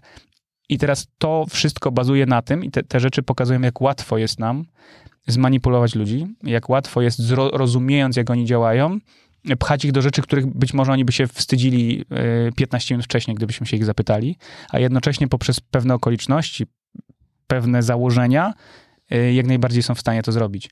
Deren ma parę takich, jeśli Państwo chcecie, to, to, to pogooglujcie, y, tego trochę jest. Jednym z takich bardziej popularnych w Wielkiej Brytanii, on, on chyba nie wyszedł poza Wielką Brytanię, był taki program, który się nazywał The Heist, czyli napad. I oni tam sprawdzali, czy, czy menadżerowie wyższego szczebla, tacy, którzy z założenia nie potrzebują pieniędzy więcej, to znaczy mają te pieniądze, nie potrzebują ich kraść, czy będą w stanie tylko i wyłącznie poprzez zjawisko tak zwanego triggerowania, czyli warunkowania człowieka, e, a tym samym manipulacji. Czyli stwarzania mu takich warunków. E, Znaczy warunków, takiego ale świata. mechanizmów spustowych też, czyli idąc do psa Pawłowa, czyli tego sytuacji, gdzie Pawłow ym, karmił swoje psy i za każdym razem dzwonił tym dzwonkiem i potem się okazało, że jak on dzwoni dzwonkiem, to psy były głodne, to oczywiście my nie jesteśmy tak, to, to nie zadziała w ten sam sposób dokładnie, ale Deren tam pokazał, że jeśli weźmiemy sobie kilka osób i oczywiście one mają odpowiednie predyspozycje, są wyselekcjonowani i tak dalej, ale jednocześnie nie wiedzą, że biorą udział w eksperymencie, czy jeśli stworzymy parę takich mechanizmów spustowych, takich wyzwalaczy, e, tam akurat to była piosenka, kolor e, i jakieś hasło nap- napisane, ile osób będzie w stanie, przechodząc obok człowieka, który wypakowuje z, z furgonetki pieniądze, ile z tych osób będzie w stanie go napaść i mu te pieniądze ukraść. I tam cztery osoby były wzięte, no bo to było w Londynie, zamknęli ulicę, ci ludzie nie wiedzieli o tym, że ta ulica jest zamknięta, a jednocześnie wszyscy szli z plastikowym pistoletem, bo on miał być potrzebny na szkolenie. Bo oni przez parę tygodni brali udział w szkoleniu. E, Darren to robi tak, że ludzie, którzy się zgłaszają, oni podpisują z nimi umowy i on nie realizuje z nim programu od razu, tylko na przykład za rok. Tak wtedy, kiedy oni nie wiedzą, że to jest ten program. I trzy z czterech osób podeszło do tego Bogu ducha winnego człowieka, który wyciągał te pieniądze, wyciągnęło ten plastikowy pistolet, zaczynało się, znaczy być agresywnym, krzyczeć na tego człowieka, zabierało mu te pieniądze i uciekało. E, I potem najlepsze jest to, że oni nie mieli zielonego pojęcia dlaczego. To znaczy, oni nie wiedzieli, dlaczego to zrobili. To aż tak działa. Tak, bo to działa tak, że oni mieli jakby wklejony jakiś rodzaj programu. To było inspirowane tym, że mm, już wcześniej w trakcie II wojny światowej Goebbels, Himmler y, mieli dość dużą obsesję na punkcie różnych okultyzmów i, i też sprawdzają, co możemy zrobić. I oni sprawdzali, czy możemy zwarunkować tak człowieka, żeby oni zabijali innych, ale nie pamiętali tego. I stworzyli taki eksperyment, w którym sprawdzali, czy na przykład możemy człowieka zwarunkować na nie wiem, materiał. To znaczy, że jeśli zobaczy kogoś w określonym materiale, to nagle musi odpalić jakiś program w głowie i on coś zrobi. No i się okazało, że, że można. E, Czyli, że możemy kogoś zwarunkować uczuciami, bo to dalej mówimy tutaj w dużej mierze o emocjach, czyli sprawić, żeby się ta osoba poczuła, że chce coś zrobić w taki sposób, że, że po prostu do tego doprowadzi. A potem najczęściej miała w, gdzieś tam w tym wszystkim tak to zrobione, żeby, żeby zapomnieć. I to są rzeczy, które z jednej strony są trochę przerażające, z drugiej strony, gdyby ktoś wtedy wiedział, o czym, o co chodzi, to znaczy, gdyby zauważył na którymś etapie, że to się odbywa, to mogłyby powiedzieć stop. Mógłby powiedzieć, no nie, tak nie robimy, tak? To znaczy, to już jest przegięcie. E, Ale przez to, że ci ludzie tego nie wiedzą, nie znają się nad tym, no to, na, na tym, no to, to w to wchodzą i my bardzo często lekceważymy te rzeczy związane z umysłem, idąc tropem na zasadzie takiej, że stwierdzam, no to przecież nic takiego, tak? Jeśli ja tego nie doświadczam e, fizycznie, no to, to się tam niewiele może wydarzyć w tej mojej głowie. No a jest wrę- wręcz przeciwnie. Już same jakby błędy heurystyczne dla tych Państwa, którzy nie wiedzą, są reg- uproszczone reguły wnioskowania. I jeśli Państwo nie wiecie, czym, jak wyglądać może błąd heurystyczny, to jest tak zwany syndrom nowego samochodu.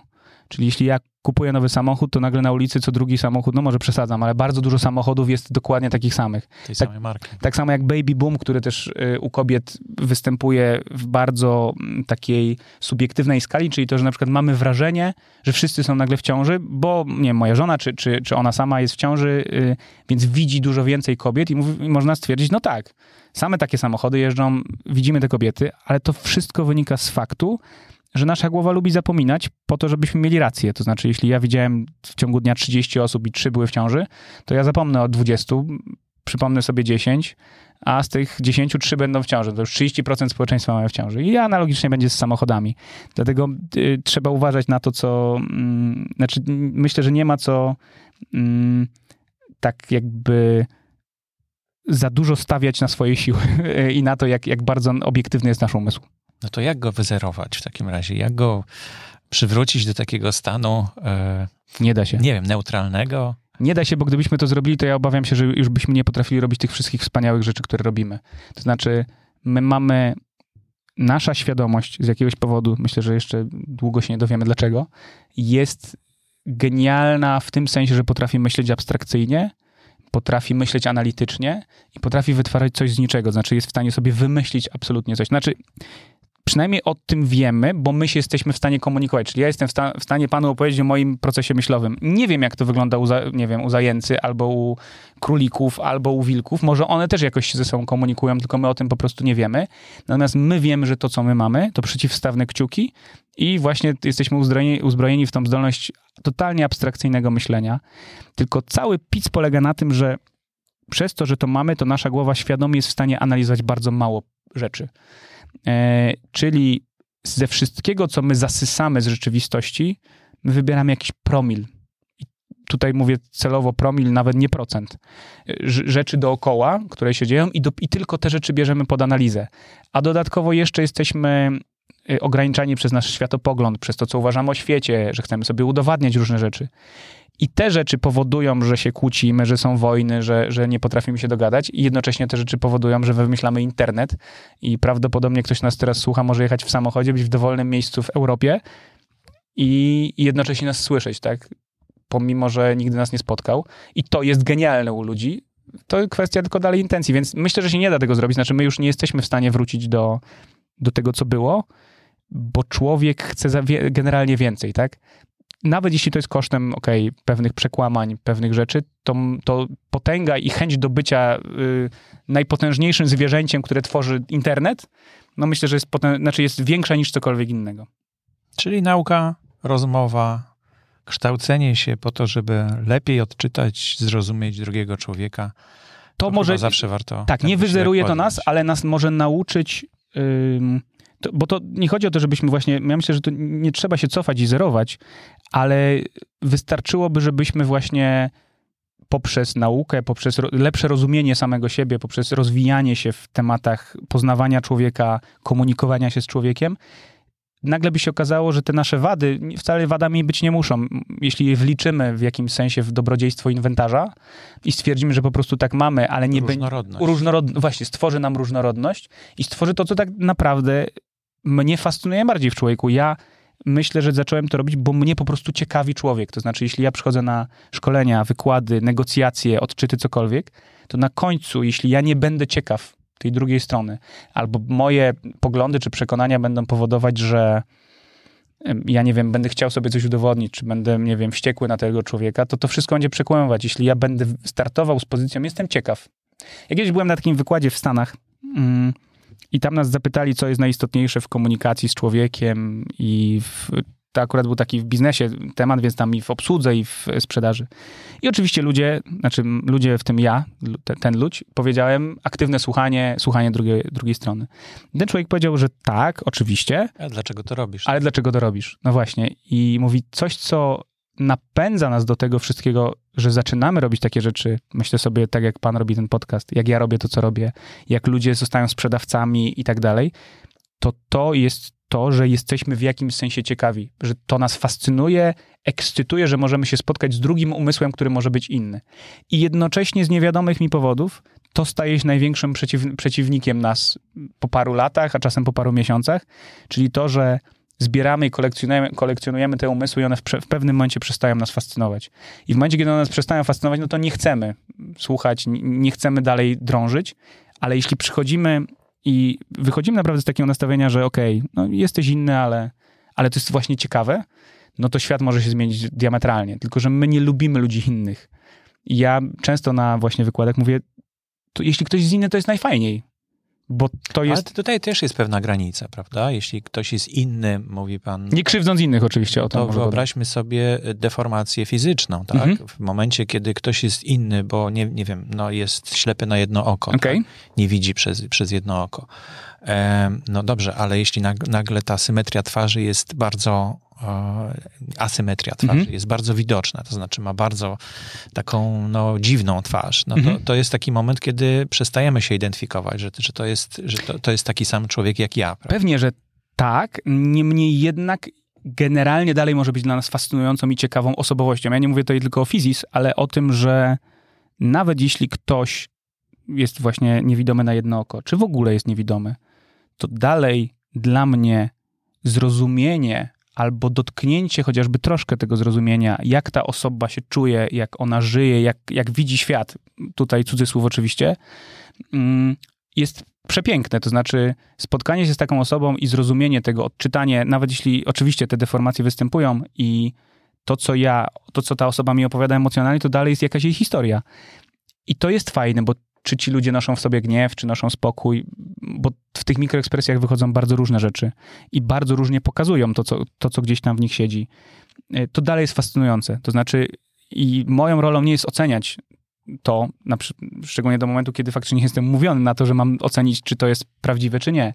Ale w momencie, kiedy ja się z kimś spotykam i zwyczajnie mogę tą osobę przeczytać, popatrzeć sobie, to to jest ciekawe, jak te emocje się kształtują, jakie one są, co ci ludzie noszą w sobie, czy to ukrywają, czy tego nie ukrywają.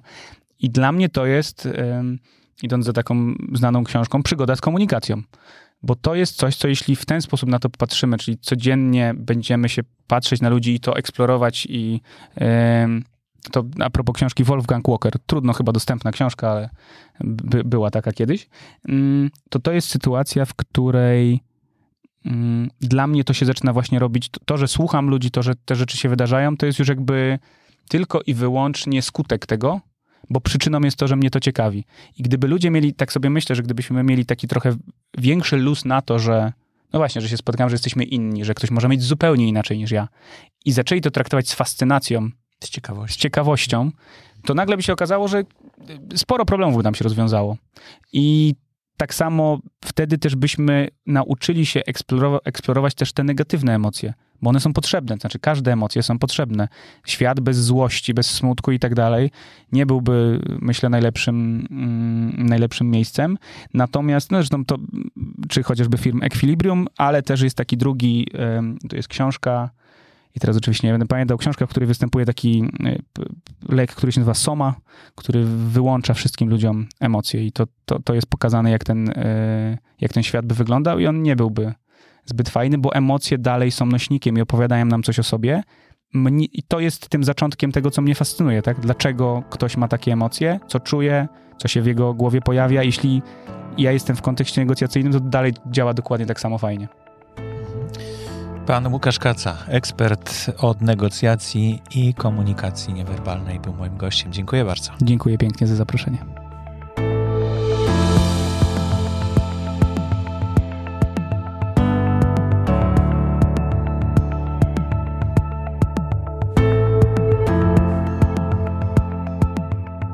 To był 143 odcinek podcastu Nauka XXI wieku pod tytułem Mikroekspresje z Łukaszem Kacą. Przypominam o możliwości zadawania pytań pod numerem telefonu 737 893 825. W tej chwili można kliknąć na obrazek, koło obrazka, na link e, i połączyć się z tym numerem i nagrać po prostu pytanie, bo tam odzywa się od razu automatyczna sekretarka. Albo jeśli macie inną możliwość, no to poprzez stronę speakpipe.com ukośnik nauka. Tam też można nagrać e, taką e, swoją zapowiedź. Znaczy takie swoje pytanie oczywiście. E, teraz chciałem bardzo podziękować najhojniejszym z patronów, dzięki którym powstaje ta audycja. Są to Tomek Faber, Kamila Fornalik, Karolina Gorska, Dorota Kozielska, Rafał Kozikowski, Andrzej Lach, Aleksandra Lichaj, Izabela Matela, Piotr Prochenka, Tomasz Stasiak i Adrian Wiśniewski. No, bardzo Wam dziękuję. To bez Was byłoby mi dużo trudniej, ale dziękuję również e, każdemu z patronów, bo jest ich e, dużo więcej. E, no i chciałem przypomnieć, że misją tej audycji, moją misją jest przenieść słowa tych, którzy mają wiedzę i doświadczenie do tych, którzy chcą wiedzieć. Dlatego właśnie tak bardzo jestem wdzięczny tym, którzy dokładają swoją cegiełkę do tej audycji, bo dzięki temu przybliża mnie to do realizacji marzenia, jakim jest audycja co tydzień albo stworzenie wręcz takiej redakcji, w której będzie się więcej działo, oprócz tego, że są audycje. Każdy może zostać patronem. E, wsparcie można zadeklarować już od 3 zł. E, no i zapraszam gorąco do tego, ale to tylko w wypadku, gdy ten podcast i jego misja mają dla ciebie jakiś sens. Można też e, jednorazowo albo okresowo wesprzeć mnie poprzez paypal.com, e, wpisując tam adres boryskozielski małpa gmail.com. Ten adres również służy do kontaktu ze mną. Można się też kontaktować poprzez Facebooka. E, mamy tam grupę słuchaczy, patronów, do której zapraszani są wszyscy patroni, ale także jest strona mm, oficjalna podcastu Nauka XXI wieku. Zachęcam gorąco do zapisania się również na subskrypcję e-mailową. Wtedy po zapisaniu się, oprócz tego, że w czytniku się pokazuje nowy odcinek, to w, e-mailu e-maila otrzymuje się z informacją o tym, że jest nowy odcinek i z jego opisem. Można to sobie jakoś tam łatwiej zarchiwizować. Inne moje podcasty znajdują się na stronie podcasty.info ukośnik Borys Kozielski. Bardzo będę wdzięczny za ocenę mojego podcastu na Spotify poprzez przyznanie gwiazdki. E, opinie na Apple Podcasts, tam jest kilka opinii, ale tak mało słuchaczy chyba przez iPhone'a słucha e, tych audycji, a każda taka, mm, taka opinia jest cenna dla pozostałych słuchaczy, bo po prostu wiedzą, czy warto poświęcić czas na to, żeby przynajmniej jednego odcinka posłuchać. No i jeśli uważacie, że warto, no to bardzo będę wdzięczny za opinię na Apple Podcasts. Na YouTubie też pojawia się podcast już od jakiegoś czasu, jako film oczywiście, bo tam nie można inaczej. I tam e, bardzo proszę o łapkę w górę, podobnie jak na Facebooku. A jeśli chodzi o komentarze, do czego też zapraszam, to proszę wejść na stronę, do której kieruję link e, podcasty.info ukośnik nauka ukośnik 143. I to już wszystko, co miałem Wam do przekazania. Strasznie długa ta audycja, ale myślę, że Wam się tak samo podobało jak mi. My to nie nagrywaliśmy tego e, na kilka razy. Raz się spotkaliśmy, rozmawialiśmy dokładnie w czasie rzeczywistym. Niewiele e, skracałem, niewiele usuwałem z tego nagrania, jeśli w ogóle. E, dlatego myślę, że ta audycja Wam się podobała, tak jak mi się podobała rozmowa z panem Łukaszem. Dziękuję bardzo. Do usłyszenia na następnej audycji.